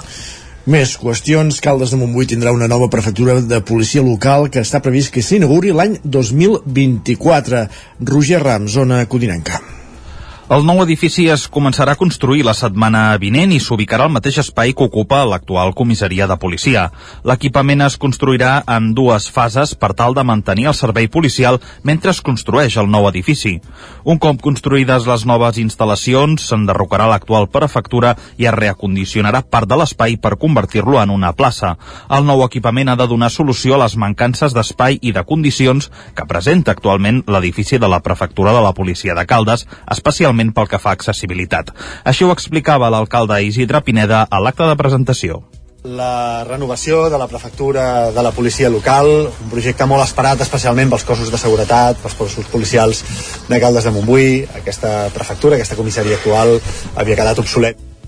Volíem oferir i eh, també volíem que els mateixos eh, dispositius policials de Caldes de Montbui tinguessin una, uns equipaments policials del segle XXI perquè estem parlant d'una prefectura l'actual que estava dissenyada doncs, en, el segle, en el segle passat amb moltes mancances d'accessibilitat el projecte contempla la construcció d'un nou edifici de dues plantes amb una superfície total construïda de més de 1.500 metres quadrats, connectades per una escala i també per un ascensor.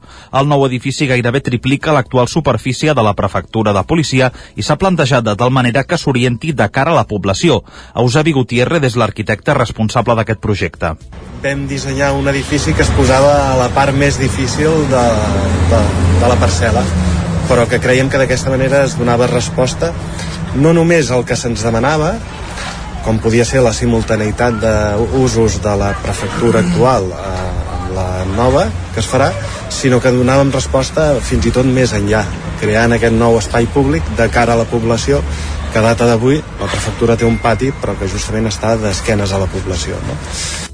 Des del propi cos policial també valoren molt positivament aquest canvi, ja que les noves instal·lacions permetran donar més confidencialitat als usuaris i, i complir amb la llei de protecció de dades, cosa que actualment no sempre és possible, segons explica l'inspector en cap Manel Ruiz. En principi, aquesta, l'apertura dient que guanyem en, en qualitat en quant a la prestació de servei, perquè tindrem espais reservats, hi havia un espai diferenciat eh, d'atenció al ciutadà i l'espai reservat per atenció o, sigui, o treball intern a la comissaria la qual s'haurien tres, quatre mòduls on tu pots atendre al ciutadà amb una eh, confidencialitat i cura que no pots fer-ho actualment. O sigui, ara tenim l'espai que tenim, com el tenim, intentem fer-ho, intentem fer la protecció de dades, les obres començaran, com hem dit, els propers dies, just després de la celebració de la Diada de la Policia Local de Caldes, prevista pel diumenge 12 de març a la plaça de la Font de Lleó.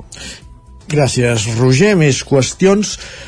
Ripoll i Campdevànol invertiran un milió i mig d'euros per renovar la depuradora d'aigua que comparteixen Isaac Muntades, la veu de Sant Joan. Els ajuntaments de Ripoll i Campdevànol van aprovar inicialment i per unanimitat la millora de l'estació de tractament d'aigua potable, l'etap que comparteixen les dues poblacions i van donar llum verda al conveni entre els dos ajuntaments i Somarsa, l'empresa que s'encarrega de la gestió d'aquesta infraestructura i que executarà l'obra. El projecte està redactat per l'enginyer industrial de l'empresa Socade Engineering Solutions i compta amb un pressupost d'1,58 milions d'euros amb l'IVA inclòs. Ripoll hi té una participació del 75% i Can de Bànol del 25% restant. Aquesta instal·lació té 50 anys d'antiguitat i ha arribat al final de la seva vida útil perquè ha quedat obsoleta i per garantir la salubritat, la salut pública i els millors paràmetres per l'aigua de consum de boca s'havia de renovar. L'any passat l'Ajuntament de Can de Bànol va demanar una subvenció a l'Agència Catalana de l'Aigua per finançar el projecte, però se'ls hi va denegar. Aquest any van repetir la petició, ja que sufragar amb fons propis aquesta operació és poc viable. L'alcaldessa de Can de Bànol, Dolors Costa, va remarcar la importància d'aquesta estació potabilitzadora d'aigua. Que ens garantitzi doncs, la salubritat salubritat i més tinguent en compte ara el canvi climàtic, més tinguent en compte l'incident que vam tenir l'any passat amb el tema de l'arsènic que va pujar de nivells, aquesta nova estació potabilitzadora doncs ja tindrà en compte tots aquests paràmetres, tindrà uns filtres que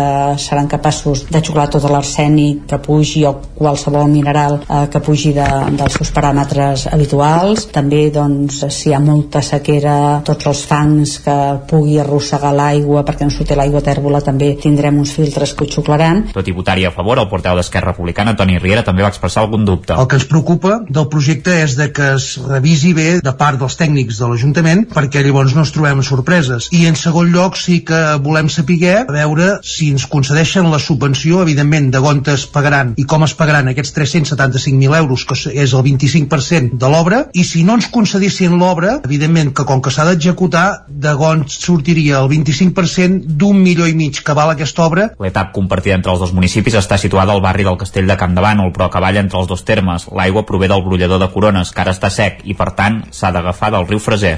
I al Vallès Oriental, tres detinguts, Pol Grau, Ràdio Televisió Cardedeu, per tràfic de drogues en un club canàbic de la Garriga. Els Mossos d'Esquadra van detenir dijous passat tres persones relacionades amb un club canàbic de la Garriga a qui s'acusa d'un delicte contra la salut pública per tràfic de drogues. El local va quedar clausurat després de l'actuació que es va fer al matí al local d'una associació situat en una planta baixa de l'edifici comercial que hi ha tocat de supermercats Capravo, al polígon de Canilla. També hi va intervenir la policia local i una comitiva judicial. Entre els detinguts hi ha treballadors i persones vinculades amb l'associació. Tots tres eren al local en el moment que es va fer la intervenció policial.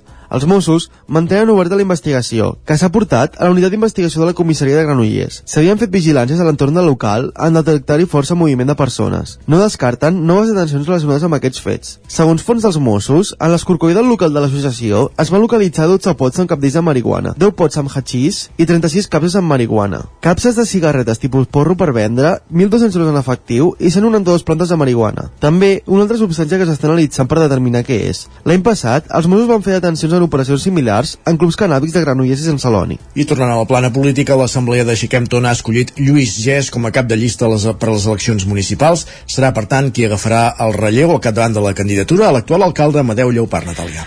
Gés és jurista de professió i va treballar fins al 2015 a l'Ajuntament de Tona. Des de llavors ho està fent al de Vic. Ha parlat sobre l'actual legislatura ja des del principi el, el que buscàvem i jo també personalment era un canvi ara aquests quatre anys s'ha consolidat l'equip d'alcaldia també s'ha treballat equips de regidoria dels que n'he format part i ara crec que a part de la consolidació d'aquests equips de regidoria també podem començar a parlar de regidories obertes anar avançant Gés ja va formar part de la candidatura de Xequem Tona fa 4 anys, el número 12, i durant aquest mandat ha format part de les regidories obertes, especialment en temes d'urbanisme.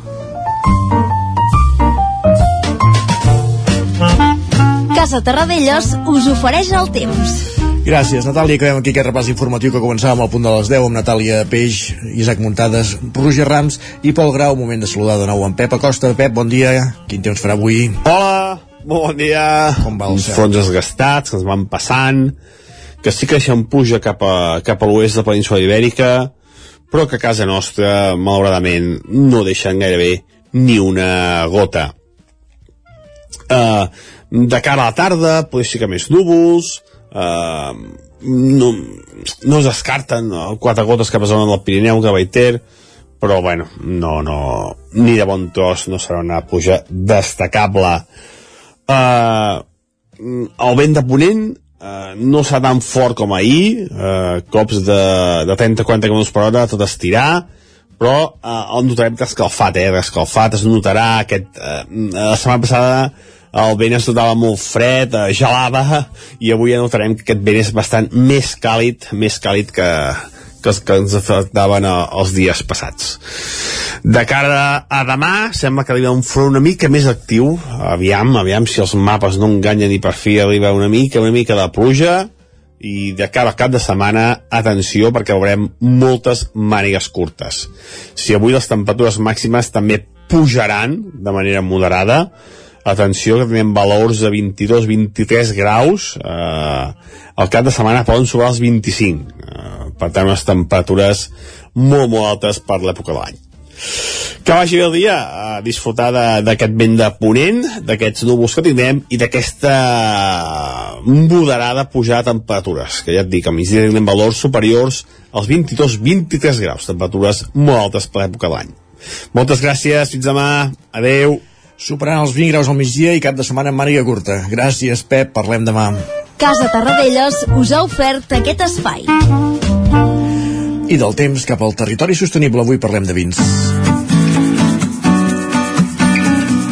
Perquè en Jordi Givert, des d'Ona Codirenca, se n'ha anat fins a Santa Maria d'Oló a visitar el celler Sant Miquel. Avui són els protagonistes del territori sostenible. Jordi, benvingut una setmana més, bon dia. Avui al Territori Sostenible volem acostar-nos fins al celler Sant Miquel d'Oló per parlar de les novetats uh, del celler. Entre elles, parlar d'un projecte uh, agrovoltaic per uh, instal·lar plaques solars a les vinyes del celler i també conèixer la proposta d'enoturisme que volen engegar des d'aquest celler ecològic del Moianès.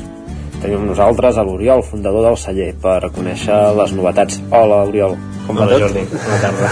uh, Oriol, per començar, uh, venim a conèixer novetats i la primera que hem vist és que comenceu a, a fer a, a visites aquí al, al, al celler, us apunteu a l'enoturisme i era una idea que teníeu. Uh, què és el que, el que podran fer la gent que vingui fins aquí a Sant Miquel? Doncs sí, per fi hem pogut començar amb aquesta faceta d'enoturisme que la teníem claríssima des de, des de l'inici però per una manca de volum de vi no, no en teníem suficient, no ens podíem permetre uh, fer visites de manera regular i ara a partir del febrer ja, ja en podem començar a fer ja ho tenim tot, tot llest i preparat. I la idea de moment és una idea inicial perquè això del turisme pot abarcar milers d'activitats és fer una visita estàndard que la gent vingui aquí, ens pugui conèixer conèixer com treballem, qui som, què fem coneixen el lloc, que també crec que val la pena uh -huh. visitar el lloc. I llavors acabem amb un tas de tres dels vins no sé si emblemàtics però els vins que, que, que, més, que més surten i que més agraden i amb una mica de tas de productes de per aquí a la zona amb alguns formatges i això i ja està i passarem un parell d'hores dues hores i mitja distretes i espero, espero que ho disfruti la gent uh, molt bé uh, situem una mica la gent que sempre diem que Sant Miquel és a, a Santa Maria d'Oló però Sant Miquel d'Oló està apartat A les afores. a, a les afores diguéssim, eh? que, que està al mig de, del bosc envoltant Sí. de, de natura que és un d'aquests encants que té el, el celler amb, amb unes vistes de tot el que és el Pla de Bages i, i el Moianès uh, i que val molt la pena de, de, de visitar i també de, de fer excursions per aquí a la, a la zona. Et volia preguntar com, com s'ha de fer la, com s'ha d'apuntar la gent com, com es tria el dia, tot plegat? Doncs això el que s'ha de fer és entrar a, a la web a la web del celler i allà a l'apartat de visita'ns ja pots, ha, hi ha un calendari en el qual hi ha uns, uns dies que estan disponibles normalment són dissabtes, potser que hi hagi algun diumenge però anirem veient aviam com aneu fent però el normal serà els dissabtes a les 11 del matí i és qüestió d'entrar en el dia fer la reserva per la gent que vulguis fas el pagament i, i ja tens la reserva feta pel, pel grup de gent. Més o menys de grups de 12 persones seria l'ideal, més no i llavors també estem oberts a si hi ha algun grup gran concret que diu mira volem fer-ho tal dia volem... bueno, això també estem I, oberts. i grups través- més reduïts també hi ha un mínim de persones? I em sembla que el mínim és de dos o de quatre no me'n recordo però, Mhm. però, però a veure sí, en principi per poca gent també ho fem però màxim més de 12 no perquè a vegades hem fet visites en grups molt grans. I costa més el fer l'explicació. La dinàmica és més, més dolenta i preferim grups, grups més petits Parlaves de, de que ara tenim més volum de vi, no sé si heu plantat més vinya, és que clar, que redueixen més els ceps que, que van creixent o, o com, com teniu ara? Quantes hectàrees es produeixen aquí a, a Sant Uh, Miquel? produïm més perquè l'any 21 va ser un any bo. I va ser el primer any bo. Fins ara estàvem produint molt pocs i menys de la meitat del que hauríem d'estar produint i l'any 21 ha sigut un any real perquè ha sigut un any bo climatològicament parlant eh, i en quant a malalties i llavors ens va permetre collir el que realment hauríem d'estar collint amb la superfície que tenim i aquest 21 és el que ens ha permet ara fer, visi fer visites. El 22 dintre de tot ha sigut prou bo i també ens permetrà mantenir aquest, aquest nivell de, de volum. Però tot i així hem de créixer eh, érem conscients de que amb 3 hectàrees no en teníem prou i ara el que hem fet ja el 2022 al març ja vam plantar una hectàrea més. Sí, heu plantat de, de, més. de nou, sí. Hem plantat mitja hectàrea de picapoll perquè creiem que és una varietat que a nosaltres ens ha funcionat, el vi agrada i crec que és una varietat eh, que, que ens va molt bé aquí a la zona per, per molts motius i llavors hem, hem estrenat, ens hem estrenat amb una varietat que és la Mandó. La Mandó és una varietat que ja fa temps que l'estan recuperant, ja fa temps que l'estan elaborant i veiem que és una varietat molt arrelada aquí, molt al territori, que, que funciona molt bé, molt rústica i que ens permet fer un perfil de vi molt, molt actual i anem per aquí, hem fet mitja hectàrea segurament creixerem, suposo que d'aquí un any o dos seguirem plantant una mica més però sí, sí, ara hem crescut amb una hectàrea més i mica en mica. Mica en mica, molt, molt interessant. Aquest a més és una nova varietat que, que introduïu a les que teniu i, i que no hem elaborat mai, encara no, No sa- no sabeu què he sortirà. tastat vins monovarietals, que és una mica el que fem aquí i, i veig que és una que pot funcionar però no, encara no l'hem tocada Molt, molt bé, suposo que haurem d'esperar un temps encara Sí.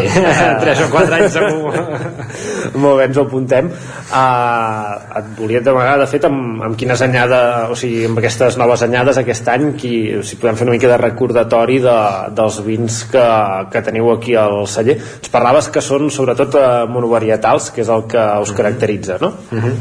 Sí, bàsicament la nostra línia, diguem, bàsica són, són vins monovarietals, és, és la nostra manera de fer, la manera que creiem que, que les varietats s'expressen més bé en el vi i, i ara el que tenim disponible són l'Arcàngel, que és la de Picapoll uh -huh. el de Puntetes, que és el rosat de garnatxa negra i ara han tret les dues anyades noves de 21 eh, que són la garnatxa negra que és el sotabosc uh -huh. i l'escletxa que és el chardonnay aquestes anyades fins ara no, no, no en tenim estàvem esperant que acabessin el procés d'ampolla, etiquetatge i tot i ara ja, ja han sortit a la venda aquestes altres dues ara tenim aquests quatre vins esperant alguns altres que estan fent criança en ampolla uh -huh.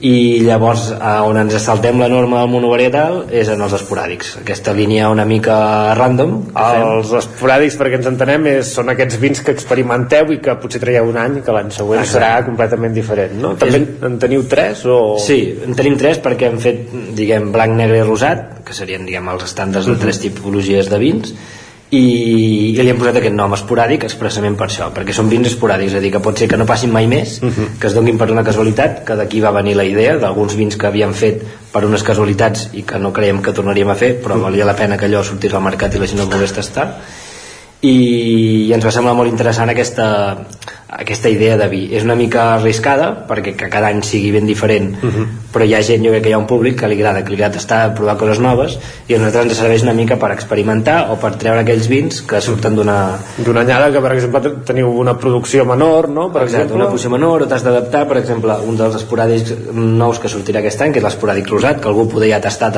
l'anterior, no tindrà res a veure, que serà un rosat d'atrapat. I hem fet un rosat d'atrapat per què? Doncs perquè el trapat en tenim 400 ceps, aquest 2022 va haver-hi molt mala collita i no vam arribar als 300 i pico quilos que ens farien falta per, per omplir la bota, almenys una bota de, de les que tenim. Llavors ens vam, vam, vam, vam pensar què fem, doncs vam dir, bueno, doncs fem un rosat i el farem com a esporàdic blanc, ai, esporàdic rosat. I bueno, aquest, aquest, aquesta línia ens permet això i, de, i llavors també traurem el blanc que el blanc serà un copatge que aquí on ja entrem a fer copatges i fem, ens saltem una Sí, mica les no? normes Que allò que dèieu de- en general. monovarietal aquí sí que aquí sí, amb fem monovarietals com aquest rosat d'atrapat però també en farem d'alguns que no ho són. I aquí serà el primer blanc que passarà per bota un copatge de les tres varietats blanques que tenim eh, que passarà, ha passat per, bueno, està dins la bota de, de castanyer està fent la seva criança a la bota i, i el traurem i embotellarem i això serà l'esporàdic blanc de no sé quina anyada però del, el següent que vindrà. Molt, molt bé, doncs eh, ens ho apuntem. Que la gent això, que, deia, que, que recordi no? que, que si ha provat un esporàdic eh, blanc, per exemple, el d'aquest any serà una cosa completament diferent, Exacte. sobretot quedar-nos amb aquesta idea perquè si et va agradar no te'l trobaràs i si no et va agradar pots tornar pots provar. tornar i pots provar i aviam si t'agrada el següent Ah, molt, molt bé. Ah, tenir, tenim aqu aquesta línia de vins. També hem sentit una novetat aquí al, al celler i és que es vol fer un, un projecte des del Consell Comarcal. Ah, de moment és un estudi ah, sobre la, la creació en els cellers de Santa Maria d'Oló tant aquí com a Colltor que de fer un, ja bé, un, un projecte agrovoltaic. Correcte. Uh, ens podries explicar exactament en què, en què consisteix una mica? Uh, un sistema agrovoltaic que consisteix és uh, trobar una forma en què milloris el cultiu, és a dir, el, el, el pilar principal és el, és el cultiu, i llavors d'aquesta manera d'afavorir-lo eh, en puguis treure un altre profit. I aquí és on es barreja el, el, la protecció del cultiu amb el, la producció d'energia fotovoltaica. Eh, consisteix en fer un, un, unes, diguem, uns sistemes de de diguem per unes estructures. Unes estructures metàl·liques per aguantar les, les, les plaques solars i són plaques solars que tenen tot un sistema de sensors que es van movent en funció del moviment del sol en, en, en funció de si vols fer ombra o no al cep i si el vols protegir ja sigui per ombra, per pedregades o per, per riscos de gelada, pel, pel que vulguis pots anar movent aquestes plaques en, en funció del que t'interessa. És a dir, l'interès principal és el cultiu però tu amb aquest sistema de tapar en vez de fer-ho amb, una, amb una pèrgola amb, un, amb una malla, doncs ho fas amb una placa fotovoltaica que a més a més et rendeix un, et dona l'electricitat que la pots vendre, la pots utilitzar i això se'ns va arribar a través de l'Ajuntament i a través del Consell Comarcal i ens va semblar interessant eh, que es fes un estudi sobre això, sobre quina viabilitat té, sobre quins avantatges i sí que hi ha proves pilot a França que, que sembla que funcionen. El que s'ha de veure aquí és el, la part econòmica és a dir, aviam, si, si això Clar, de, de moment s'està posant sobre el paper diguem-ne s'està no, posant sobre el paper. és que ho aneu a fer ja. No, no ho anem a fer. Falta molt, molt procés per, per fer això però ja haurem de valorar un cop estigui fet aquest projecte i un cop podem tenir una valoració econòmica d'això mm, si, si és interessant o no. De moment tot això està a les beceroles. Perquè clar, la idea aquesta que comentaves no? de que el principal és millorar el cultiu eh, això és eh, eh, Casses està provat que, que millora el, el rendiment de la vinya diguéssim Bueno, això és una de les coses que quan vam començar amb el projecte vam dir volem tenir dades d'això també, a part de la part econòmica com a qualsevol inversió, uh -huh. també volíem veure quins avantatges o no té, perquè si has de fer aquesta inversió vale, la faràs perquè tens un rendiment econòmic venent l'energia fotovoltaica però, però també vols veure quins, quin, quins avantatges té en el cultiu. Mm. Sembla que sí, que en quant a, per exemple, en quant a pedregades, que cada dia aquí serà un fenomen més, més, habitual. més habitual i que poder molts acabarem amb xarxes si no hi ha un sistema agrovoltaic, doncs et pot servir, et pot servir per protegir-te d'una pedregada, et pot servir per un accés d'insolació, que també tenim anys com el que hem passat el 22, sí. si haguéssim pogut tenir una coberta que ens mantingués una mica ombra en el cultiu, doncs segurament ens hagués anat, ens hagués anat bé. Uh -huh. uh, control d'humitat també, uh, o evitar que n'hi hagi massa, bueno, segurament sí que hi ha, hi ha d'això però necessitem més dades és, és una cosa que està molt en... és experimental molt experimental que no, que jo conegui no hi ha cellers ni, ni, ni vinyes en producció que realment tinguin aquest sistema uh -huh. que l'estiguin utilitzant en sèrio però bueno, em va semblar que era, que era interessant era interessant tenir aquest projecte perquè si acaba sent una cosa rendible i que, que, que el cultiu de la vinya li interessa uh -huh. doncs, doncs ja tenir aquest projecte executiu i, i si interessés començar-ho a fer uh -huh. Tornant una mica al, a l'enoturisme que ara uh, comenceu no sé si esteu in, dins de la, de la ruta de, del Pla de Bages uh, no sé si us han proposat formar part d'alguna de les activitats que estan apareixent per exemple aquestes de, de fer rutes de, de runners de trail mm -hmm. running uh, no sé quin, quina vinculació hi teniu de moment. No, estem dins de la ruta del vi com mm -hmm. tots els cellers de, de l'ADO. No estem en cap d'aquestes activitats segurament perquè encara no fèiem visites. Uh -huh. Està, estàvem preparats per fer no turisme però encara no n'estàvem fent. Això segurament ens ha limitat a l'hora de fer. Però a partir d'aquí estem oberts. Des del moment que podem començar a fer visites i tenim prou volum de vi a fer qualsevol tipus d'activitat. Hem parlat amb, amb diferent gent de amb diferents empreses per, per fer diferents tipus d'activitats des de rutes i acabar amb una visita o també vam fer propostes de rutes en bicicleta i acabar aquí i a partir d'ara sí que estem oberts a qualsevol proposta per fer, uh -huh.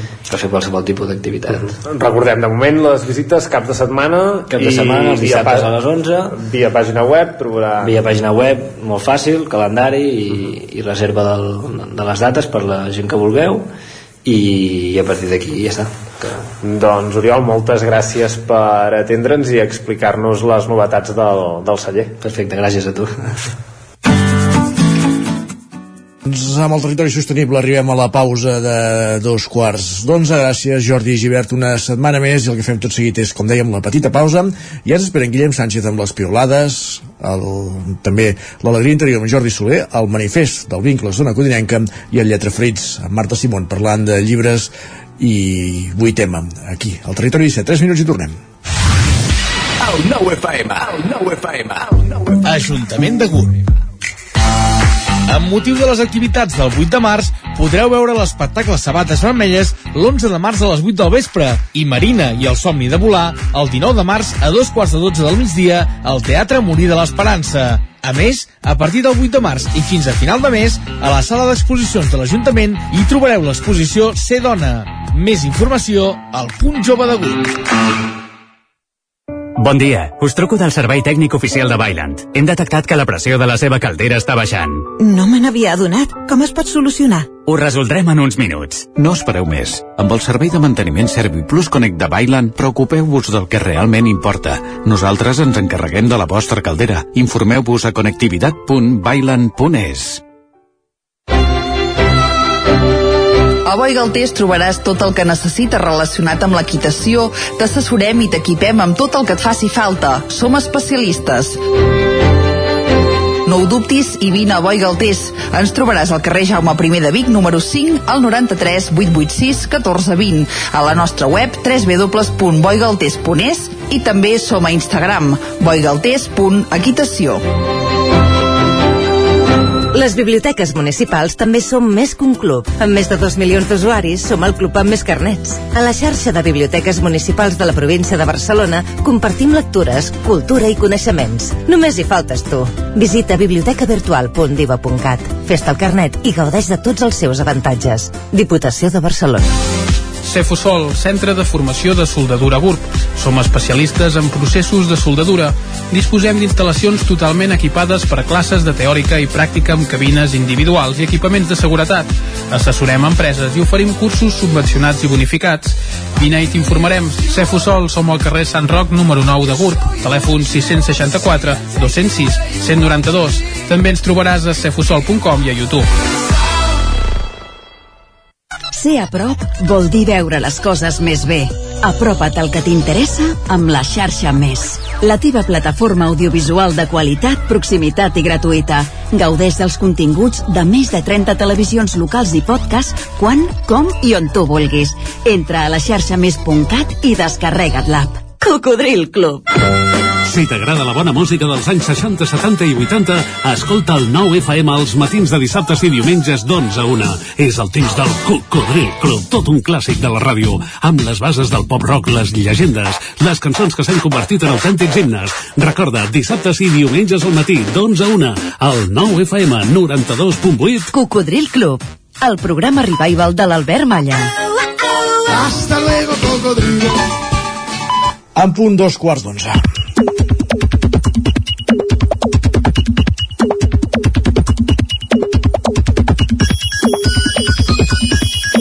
Guillem Sánchez, bon dia. Què tal? Bon dia, bon dia. Bé, i tu, el 8 tema, ja és present també a Twitter? Uh, sí, molt. D'acord. Molt i per moltes bandes, per molts àmbits diferents, per moltes opinions diferents. Aquí en resumirem algunes, on destacarem algunes, però jo ja he de dir, ja aviso que aquí qui es vulgui perdre per les xarxes eh, que posi hashtag 8M i que comenci a llegir i està d'acord o no amb tot el que, el que es diu que és, que és, que és molt és molt i, i, i extens i també diré una cosa, eh? segur que hi ha moltes coses molt més interessants a fer que mirar Twitter però vaja ja que t'hi dediques, explica'ns si Per això ho fem nosaltres, perquè Exacte. la gent no hi hagi de, perdre el temps. Va, per exemple, la Marta, que avui ens diu la vergonyeta que sento quan veig gent fent publicitat de cara al 8M. Diu, no puc més i ni ha començat el tema. Ben cert. Ben cert. La Dolors també ens fa una precisió. Ens diu, diria que passant d'anomenar el 8M Dia de la Dona Treballadora a 8M Dia de les Dones s'ha perdut anticapitalisme i aquesta és una nova victòria del patriarcat. De fet, jo estic bastant d'acord amb aquesta reflexió perquè ho he sentit a poca gent eh, el fet de dir encara dia de la dona treballadora jo l'Isaac Muntada t'he sentit doncs mira, l'Isaac un punt, un punt positiu va, l'Anat ens apunta quan comença la setmana del 8 tema nosaltres comencem a respirar fons sí, molta tranquil·litat, molta calma i, i bons aliments que és el més important la Clàudia també ens diu trobo que el millor homenatge que podeu fer-nos avui és deixar-nos en pau Ah. És una opinió, és una opinió també. Sí, sí. I el que sí que he de dir és que estic molt a favor del que ens proposa la Laura, que ens diu pel 8 tema, els logotips canvien el seu color pel lila, els programes canvien presentadors per presentadores i que no faltin els complements liles. Durant l'any continuarà la violència de gènere en totes les seves formes. Cal actuar no només avui per quedar bé la foto. Som-hi tots. Doncs vinga, que tothom s'hi pugui sumar de la manera que cregui convenient avui en aquest dia de la dona treballadora. El 8 tema és cada dia. Però va, perquè aquesta setmana també és important destacar altres temes, Isaac. Per exemple, en Nil, en Nil ja ho ha assumit. Què diu en Nil? Diu, dono per inaugurada la temporada d'esternuts. Marxo a viure a Finlàndia. Ah, però que, que, que, que hi ha temporada de xabuïros. Home, ara quan, quan tornen les al·lèrgies, no? ara que Ai, començarà sí. la primavera i aquestes coses de gramínies i, sí, sí. i abelles i flors i no sé què... Bé. Ai, ara em fas pensar que començar a activar el tema de les receptes i aquestes coses. doncs mira, sort, sort que Twitter ens ho recorda. De fet, eh, li responen també en aquesta piulada allí s'estornuda més, ho diu la Viquipèdia. Doncs si ho diu la Viquipèdia... No sé si és per l'al·lèrgia o és pel fred o, o per què deu ser, però mira, que s'ho plantegi, doncs en Nils ha de marxar a viure a, a Finlàndia. I aquesta jugassa que ens planteja l'Ernest la trobo molt interessant. Ens diu, el producte caducat més antic que heu trobat a la nevera, diu, jo avui un formatge tallat del novembre. Diu, no em sembla gaire greu. Home, si és només del novembre ja et puc assegurar que, que n'he vistos de, de més temps. Ostres, jo he de dir que a casa ens passa una mica amb el, amb el paté. A vegades, sí. a vegades que l'obres i el deixes obert a la meitat i quan el tornes és un clàssic. L'altre- voler fer servir és d'un color una mica diferent al que, al que era al principi. I l'altre clàssic és la melmelada, que sempre va acompanyada de la frase no, tranquil, que no caduca. doncs te la menges tu. Va, i parlem de menjar, com ens cita l'Anna en aquest tuit que ens diu ens hem colat a una convenció d'enginyers a l'Hotel Esperia mentre fem temps per la visita al metge. Diu, donen croissants i tothom parla en anglès. Jo només estic dient, wow, really? Doncs mira, si amb això et pots esmorzar una mica i de, i de franc, doncs mira, aprofitar-ho. Va, i un altre dels inconvenients del dia a dia ens l'exposa la Tània, que ens comenta els que esteu asseguts als seients reservats als transports públics, podeu apartar un moment els ulls del mòbil i mirar si algú necessita seure? Va, que no costa res treure els ulls del, del mòbil, com diem, ja ho fem nosaltres, ja mirem Twitter nosaltres per vosaltres, per tant... I què hi feu asseguts amb uns seients reservats, si no sou les persones per a qui es reserva? Aquesta és una, és una altra gran, gran pregunta. Va, com també la reflexió que ens fa en Jaume, que crec que no hi puc estar més d'acord. Què diu en Jaume? Ens diu, no hi ha castellanisme més català que fer recados. Tant serveix per anar a buscar fruita a Can Tomàs com per comprar-se el Satisfyer. és una expressió molt bona, eh, la de, la de fer Vaig a fer recados. I en realitat vas a comprar el m'agrada. Va, i tot seguit una aportació d'en Ramon que m'ha fet especialment gràcia, diu cada vegada m'emociona més la professionalitat que l'amor romàntic. Jo veuria una pel·lícula on només sortís gent que lliura les feines a l'hora, lampistes que et cobren en factura i conductors que et saluden quan puges a l'autobús i sortiria plorant de la sala. Ep, que a més a més, de tots aquests, n'hi ha. Existeixen. Existeixen, Que existeixen. doncs que em diguin a veure si els podem reunir en un lloc i fer una, i fer una pel·lícula amb ell. Va, i per acabar, un comentari de l'Anna que t'he de dir ara mateix, Isaac, que no sé com prendre'm i que m'ha deixat una mica descol·locat. A veure què en penses tu. Ens diu, quan pensava que ja ho havia vist tot, un tio em diu de quedar i procedeix a enviar-me el seu Google Calendar per agendar-ho. Per què sou així? No puc més. Llavors que no diguin que l'home no és organitzat, fins i tot, i transparent, perquè facilita fins i tot la seva agenda. Ja et dic, no sé com prendre-m'ho. No sé si és una cosa positiva, negativa, surrealista, eh, és una broma del vuitema, no ho clar, sé. L'home és un home molt ordenat. Això, Correcte, això no... no podem estar pas en, en desacord, Isaac. Va, gràcies, Guillem. Que vagi molt bé. Bon vuitema. Igualment. Territori 17, el 9 FM, la veu de Sant Joan, Ona Codinenca, Ràdio Cardedeu, Territori 17.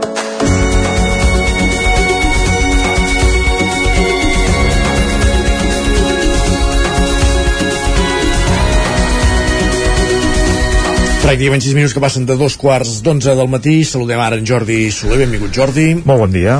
Avui a l'Alegria Interior, la secció que ens acompanya cada 15 dies, i avui, Jordi, per parlar de què? De Itadaki Masu. Carai. Una paraula japonesa... Ah, pensava que era un nom.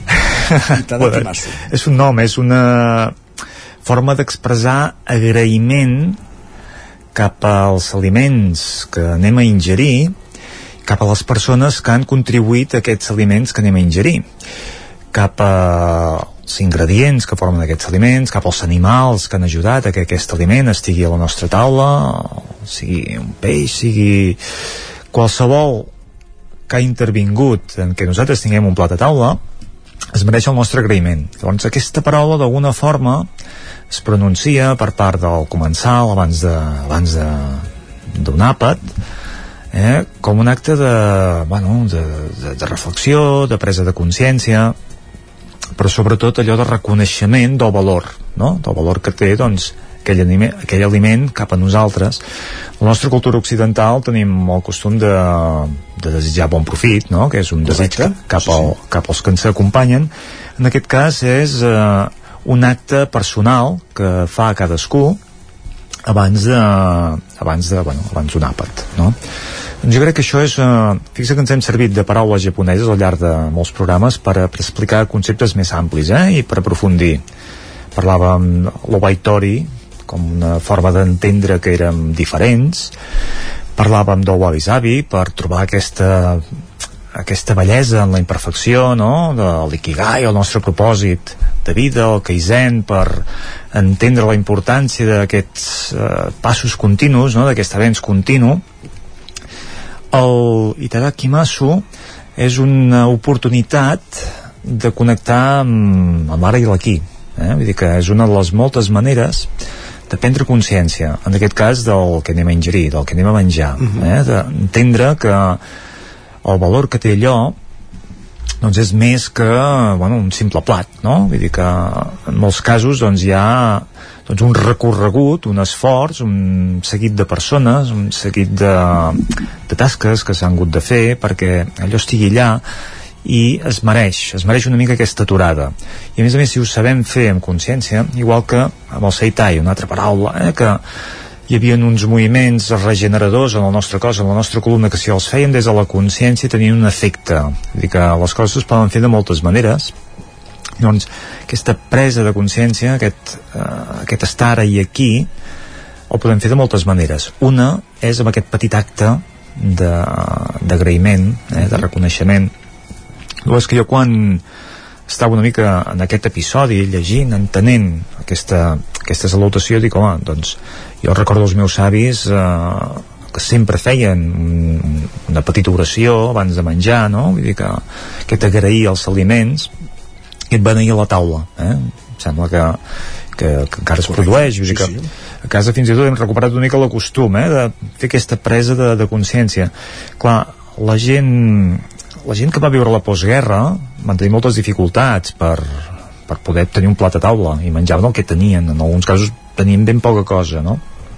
jo recordo que la meva mare m'explica eh, històries de quan érem petits que diu, bueno, a vegades eh, res, menjàvem una mica de pa i, i un tall de patata vull dir que o, o, algú de la família fins i tot deia teníem una truita i ens la partíem entre tres no? una truita d'un ou vull dir que, doncs clar, tot això nosaltres no ho hem viscut per sort no? correcte i això fa que restem valor a aspectes tan importants com el que és la nostra alimentació uh -huh. doncs bueno, mm, donem valor i a més a més aquesta oportunitat de, de prendre consciència de quantes maneres prenem consciència al llarg del dia Isaac o quantes maneres, o quants recursos tenim de quantes maneres podríem segons tu doncs fer aquest exercici a més a més del moment de sentar-nos a taula home doncs hi ha mol, molts moments del dia, suposo que moltes accions que fem, doncs sempre està bé abans d'executar-la, de, reflexionar una mica, no? Prendre consciència precisament de l'acció. Sí, i una de les maneres que tenim, un dels recursos que tenim és a través de la respiració per, per exemple, exemple, no? Sí, sí, allò dius, sí. és la més comuna és la que, que pots veure i entendre i, i compartir amb més gent no? Vull dir, més fàcil d'aplicar no? d'aquell parar, no? d'aquell sentir, d'aquell escoltar la, la teva respiració doncs és una forma és una forma de, de connectar, de prendre consciència l'Itadaki Masu ens recorda això eh? ens recorda dir prenem, no connectem amb la respiració ara connectem amb el que anem a ingerir sentim-ho llavors això va seguit una mica de el com mengem eh? el, quan parlàvem de l'ikigai una altra paraula japonesa que, que ens deia molt parlava de les bones pràctiques, de les bones costums eh? de el que feia aquesta gent que arribaven a centenaris per tenir aquest estat de salut òptim eh, en edats molt avançades i una de les coses que, que deien, que practicaven un dels seus secrets,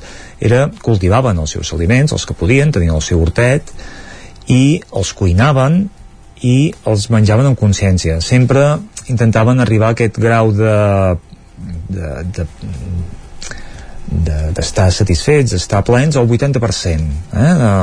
Aquell menjar una mica menys del que el teu cos aparentment et demana uh mhm. -huh. per després estar més bé eh? quan saciem la nostra gana, moltes vegades ja ens hem passat de frenada i hem menjat més del compte, no? Doncs ells tenen aquesta, aquest bon hàbit, diguéssim, de menjar una mica menys. Doncs era el seu secret, un dels seus secrets, no? Per arribar a centenaris, dir, cultivem, cuinem, mengem amb, amb consciència, no? Consciència i moderació, sí. Doncs dius, bueno, és una forma eh? de vegada més diem de dir, bueno, reconeixem reconeixem que, que el que tenim davant nostre és fruit d'un esforç i aprofitem aquesta oportunitat per parar una altra forma de de fer aquestes parades, hem dit la respiració, de quina altra manera s'ha acut que podem fer... Meditació? La meditació és la més comuna, no? Trobar aquest espai, aquest moment, aquest lloc, a casa nostra, durant el dia, no? Per fer una petita parada i, i simplement no fer, eh? i apareixen coses i connectem amb aspectes nostres no? doncs això és fàcil quan estem a casa una altra forma de fer-ho jo dic que aprofitem una mica el l'Itadaki Masu per per descobrir eh, maneres de, de, de prendre consciència eh, de, de fer aquest aquest estat meditatiu o minut de meditació que a vegades diem, no? és com una petita, una petita càpsula allò de dir, bueno, en poca estona realment netegem netegem la nostra cavilació interna i, i ens resituem no? i ens posem a punt per a vegades fer doncs, bueno, per, per entrar aquí a la ràdio doncs, un minut de, de parada una altra manera de, de connectar t'estic posant a prova avui jo ho veig eh? ja però... uh... una cosa que tu fas que tu al cap de setmana puges a Bellmunt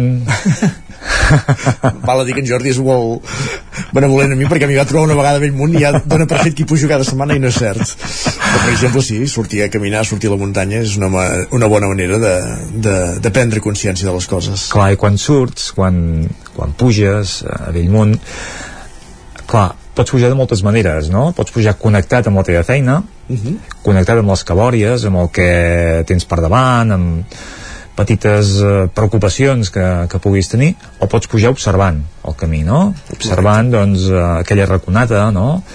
En certes èpoques... hi. L'alzina grossa, que ja... Uh, allà a la caseta de, de, de, de la font, no? Vull dir, Sí, pots observar racons, pots observar les tonalitats de, dels colors eh, en funció de de l'època de l'any. Tot això et porta a l'estat i present. pensar també en l'arròs que et menjaràs un cop estiguis a dalt Doncs això, són un petit recull, diguéssim, de formes de prendre consciència, eh? el Ditadaki Masu, doncs, n'és una. Quan acabem de menjar és el Gochiso Sama de Shita. Carai. Agraïm el que hem menjat. I aquí ho deixem. Perfecte, Jordi. Doncs avui hem conegut aquest concepte, l'Itadaki Masu. Gràcies, Jordi, i bon dimecres. A vosaltres. Avancem al territori 17 i tot seguit, abans d'entrar al lletra ferits, que ja tenim la Marta Simona a punt, el que farem és escoltar el manifest del 8M que ha elaborat el programa Vincles d'Ona Codinenca.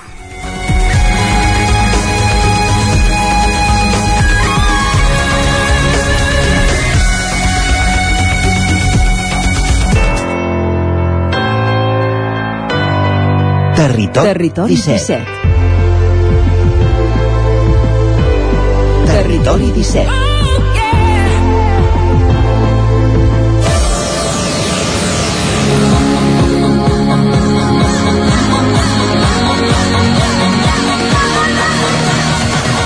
No sé por qué.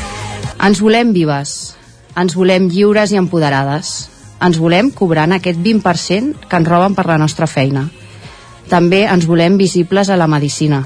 Ens volem lliures de prendre la deci- decisió de ser mares i la decisió de no mares. Ens volem sent referents a la ciència, a l'esport, a la televisió, a la literatura o la política. Ens volem sense por, sense ser jutjades per les nostres tetes. Ens volem emmirallar sense dubtes. Ens volem amb oportunitats, en sororitat. Ens volem estimar el cos. Ens volem en lluita. Ens volem vives. Sí, ens volem vives i amb drets per viure. I mentre el 8M no sigui una absurdesa, seguirem cridant. No serà un crit buit ni silenciat. No serà un crit reprimit ni ofegat. Serà un crit ferm, perquè ens volem sense la, la mirada paternalista ni heteropatriarcal. I acabo el manifest plorant, plorant de ràbia, ploro per la injustícia, ploro per les guerres, ploro per la violència, ploro per les incomprensions i la intolerància, ploro per racisme i la xenofòbia, ploro per la sanitat i l'educació, ploro per les dones maltractades, ploro per les dones violades, ploro per les dones assassinades. I ploro sense llàgrimes, per dins, perquè sóc dona i no se'm permet plorar. Ploro i crido perquè algú em senti, perquè ens volem juntes, perquè ens volem vives. Todas las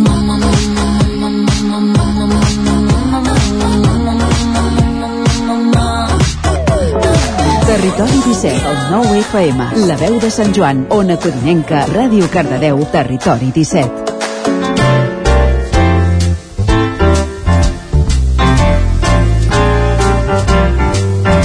12 minuts i mig perquè siguin les 11 del matí en aquest 8 de març de 2023, recte final del territori 17, i ara, com no podia ser d'altra manera, parlem de llibres, relacionats amb les dones i relacionats amb el 8 de març. Marta Simón, llibretera, muntanya de llibres, benvinguda, bon dia. Bon dia, què tal? Com estem? Molt bé.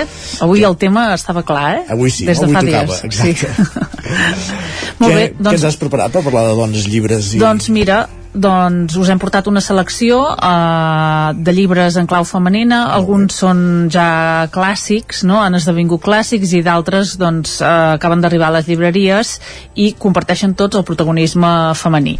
Comencem per un uh, llibre uh, de, que és una recomanació dirigida als més petits de la casa, sí. que és l'Artur i la Clementina, publicat per l'editorial Calandraca. Es tracta de l'àlbum il·lustrat eh, d'Adela Turín i amb il·lustracions de Nela Bòsnia. És un clàssic aquest. Fa més de 40 anys Adela Turín va començar a publicar a Itàlia una col·lecció de llibres que anys després l'editorial Lumen va editar a l'estat espanyol amb el títol de A favor de les niñas i aquesta col·lecció es va convertir en una col·lecció de referència per la coeducació i la igualtat tractant diversos estereotips sobre les dones. En el cas d'aquest llibre, es parla de l'alliberament femení des de la relació de parella i de la importància també de tenir en compte la nostra felicitat individual. Uh, L'Artur i la Clementina són dues tortugues que una tarda es coneixen a la vora del llac, s'enamoren i es casen. Uh -huh. Al principi la Clementina s'imagina molts projectes en comú amb l'Artur, però de seguida aquests eh, es van esfumant amb, i van jugant contra la realitat. La realitat és que l'Artur no li deixa fer res, la subestima, això sí, la colga de regals que ella no ha demanat, sí. i així tenim eh, la dona entesa com un objecte de veneració dins de la parella, però no com una igual. Cada regal va parar sobre la closca de la Clementina, Carai. lligat perquè no el perdi, perquè segons l'Artur és molt despistada i ho perdria tot. I d'aquesta manera, a mida, a mesura que avança la història, ella va arrossegant cada vegada un pes més feixuc. Al final, la Clementina ja no pot més i es desprèn de la seva closca per recuperar la llibertat. L'Artur, evidentment, no entén res i la considera una desagraïda i ella pot viatjar pel món tranquil·lament, que era un dels seus somnis. Per tant, és un clàssic contemporani, publicat per Calandraca i que no, no ha perdut uh, la vigència. No, correcte. Ara anem amb una recomanació uh, per a nens i nenes una mica més grans, un llibre que poden llegir els infants a partir de 10 anys aproximadament, tot sí. i que això de les edats a mi no m'agrada gaire perquè és bastant relatiu eh? es diu Rònia, la filla del bandoler i és d'Astrid Lindgren, publicat per Coquinós Astrid Lindgren és coneguda sobretot no per Rònia sinó per un altre dels seus personatges que és la Pipi Calces Llargues La que també són llibres molt recomanables i que avui també en podríem parlar. Rònia també potser us sonarà perquè en podeu veure una adaptació de dibuixos animats japonesa al canal X3 que està basada en aquest llibre en aquest llibre, com en tots els seus llibres, l'Astrid Lindgren ens proposa una manera diferent de mirar la infància. El llibre comença amb el naixement de Rònia, ens hem d'imaginar una nit de llamps i trons, una nit amb una tempesta espectacular que ja feia presagiar que la nena que naixeria aquella nit al castell dels bandolers seria especial. La Rònia és la primera nena que neix al castell i el seu pare, que és un bandoler de pell molt dura, es trenca quan la seva filla al cap d'un temps decideix que vol marxar i viure la seva vida. I així és com començarà aquesta aventura en què la Rònia lluitarà sempre per l'amistat i la veritat i aprendrà de la vida salvatge les lliçons necessàries per sobreviure. Aquesta escriptora sueca tenia sempre la capacitat de de construir personatges molt segurs, autèntics, únics, independents i que decideixen doncs, què volen fer amb les seves vides eh, davant de situacions difícils i són personatges que queden fora dels estereotips masculins i femenins i les seves històries les protagonitzen nens i nenes amb les mateixes condicions. Per tant, llegiu Rònia i regaleu-la perquè és un llibre emocionant que enganxa i que segur que agradarà als petits de la casa. Perfecte, doncs una altra proposta.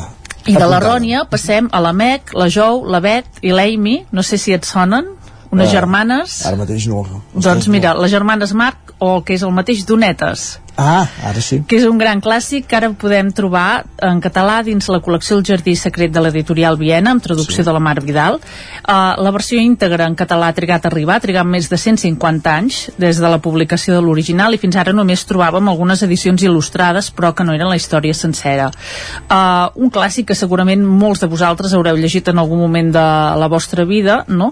Qui de nosaltres uh, no hauria volgut ser la Jou, que és la germana que vol ser escriptora en algun moment o altre, no? Correcte. Les protagonistes són aquestes germanes que viuen amb la seva mare a Massachusetts, Massachusetts en temps de la Guerra Civil nord-americana, el pare ha marxat al front i la família, que temps enrere havia sigut rica, doncs ara ha de viure amb austeritat. I en aquesta història cada germana és un món amb un caràcter molt diferent de la resta i cadascú passarà per diverses situacions que posaran a prova el seu seny i la seva bondat. Uh, atenció a les dues cites que trobem al final del llibre. La primera és de Simone de Beauvoir, filòsofa, assagista, reconegudíssima feminista, que diu Hi ha un llibre en què em va semblar veure reflectit el meu futur, Donetes. Volia com fos ser la jou de la novel·la, la intel·lectual. Compartia amb ell el rebuig per les tasques domèstiques i l'amor pels llibres. La jou escrivia i per voler imitar-la vaig començar els meus primers contes curts. I el segon eh, text és de la Patti Smith, Sí. Diu, vaig trobar consol en els llibres. Curiosament, va ser Louis May Alcott, amb donetes, qui em va oferir una perspectiva positiva del meu destí com a dona. Per doncs, tant, és una altra recomanació. Tot un clàssic i amb veus de referència recomanant-lo, eh? Exacte. I de donetes passem a donasses. Carai. Donasses és una de les novetats que acaba d'arribar a les llibreries. En aquell llibre publicat per la Campana, la poeta i escriptora i assagista Marta Pessarrodona, que és Premi d'Honor de les Lletres Catalanes, fa una revisió actualitzada de les seves 21 donasses. Què considerem donasses? Doncs dones que destaquen per la seva gran aportació intel·lectual, artística o cívica. Uh, bé sabem, però de tant en tant és bo recordar que la història l'han escrit els homes i que moltes vegades el paper de les dones queda invisibilitzat. Ara Peça Rodona ens proposa descobrir aquestes dones valuosíssimes per la història de Catalunya. No espereu trobar-hi biografies acadèmiques, sinó que el que fa Peça Rodona i fa interessantíssim el llibre és oferir-nos un retrat uh, de cadascuna passat pel seu sedàs, pel seu record personal són retrats molt personals, farcits d'anècdotes i relacionant-les unes amb les altres, tot i ser d'èpoques diferents. I trobem noms com Dolors Montserdà, que és la primera, la que obre el llibre, que va néixer el 1845 i que es pot considerar la primera novel·lista catalana, eh, i també hi ha Carme Car, Caterina Albert, Francesca Bonmesson, Margarida Xirgo, Clementina Arderiu, Aurora Bertran, i podríem anar dient, eh? Maria Aurelia Campmany, Maria Àngels Anglada, i acaba amb Montserrat Roig. Per tant, Gràcies. un llibre que no heu de deixar escapar si us agrada la història i la literatura. Molt bé. Més propostes, va, portem quatre. Molt bé, i ja per uh, anar acabant, sense deixar les escriptores, parlem ara d'un llibre força recent publicat per Raig Verd, que es diu Com destruir l'escriptura de les dones, de Joana Rus, amb traducció de Miriam Cano. Joana Rus va ser una escriptora i activista femenina, parlem en passat perquè era del 1937 i va morir el 2011 va destacar en el gènere de la ciència-ficció però també va escriure molt sobre crítica literària. I el que us presentem avui és un assaig en què aquesta escriptora analitza com la història de la, de la literatura ha tractat d'ometre el paper de les dones en les lletres universals. Ella apunta a un entrebanc doble. Per una banda la limitació històrica de la creació creativa de les dones de les seves aspiracions literàries i socials i per altra banda la invisibilització amagant-les, deslegitimant-la eh, la seva obra i menys tenint-les i aquest assaig va, estar, va ser escrit fa 40 anys i és evident que hem avançat però també quan el llegeixes t'adones que encara queda molta feina per fer. Mhm. cada capítol del llibre està dedicat a un mecanisme d'invisibilització i deslegitimització amb nombrosos exemples i en alguns casos fa maniganes la veritat de posar-nos les mans al cap eh? alguns d'aquests mecanismes són per exemple negar-ne l'autoria això no ho va escriure ella, o contaminant aquesta autoria, no ho hauria d'haver escrit, o oferint una doble mesura del contingut. Sí, ho ha escrit ella, però mira què ha escrit. No? En fi, seria en alguns casos un assaig també molt recomanable. Com destruir l'escriptura de les dones. Exacte, la, de Raig Verd. La, de Raig Verd, la cinquena proposta que, que ens feia avui la, la Marta Simón, avui que hem parlat de llibres relacionats amb les dones, tenint en compte que avui és el Dia Internacional de les Dones, el, el 8M.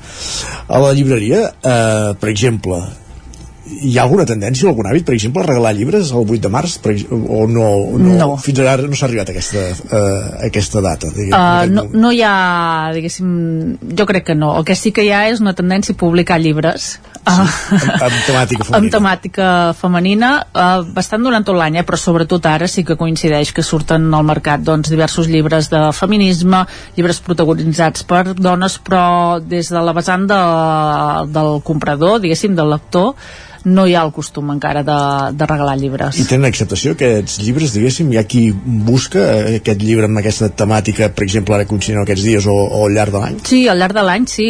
Fet, nosaltres a la llibreria tenim una secció bastant completa de llibres de feminisme i la veritat és que ens surten durant tot l'any i hi ha interès per per aquests llibres i, i està bé, no? Vull dir, és, és el que toca. Marta Simón, llibretera, moltíssimes gràcies per ser avui el A 8 de març amb nosaltres. Que vagi bé. Fins la propera. Fins la propera.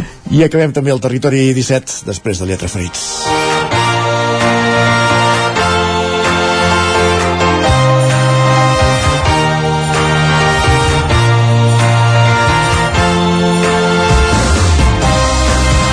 Un territori 17, avui també tacat de lila, avui és 8 de març, en el qual us hem acompanyat des de les 9 del matí, Isaac Muntades, Pol Grau, Roger Rams, Natàlia Peix, Pepa Costa, Jordi Givert, Guillem Sánchez, Jordi Soler, Marta Simons, Sergi Vives i Isaac Moreno.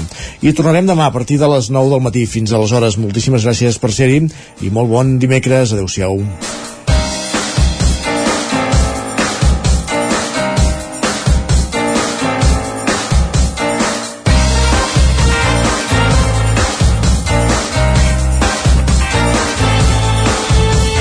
Territori 17, un magazín del nou FM. La veu de Sant Joan, Ona Codinenca i Ràdio Cardedeu amb el suport de la xarxa.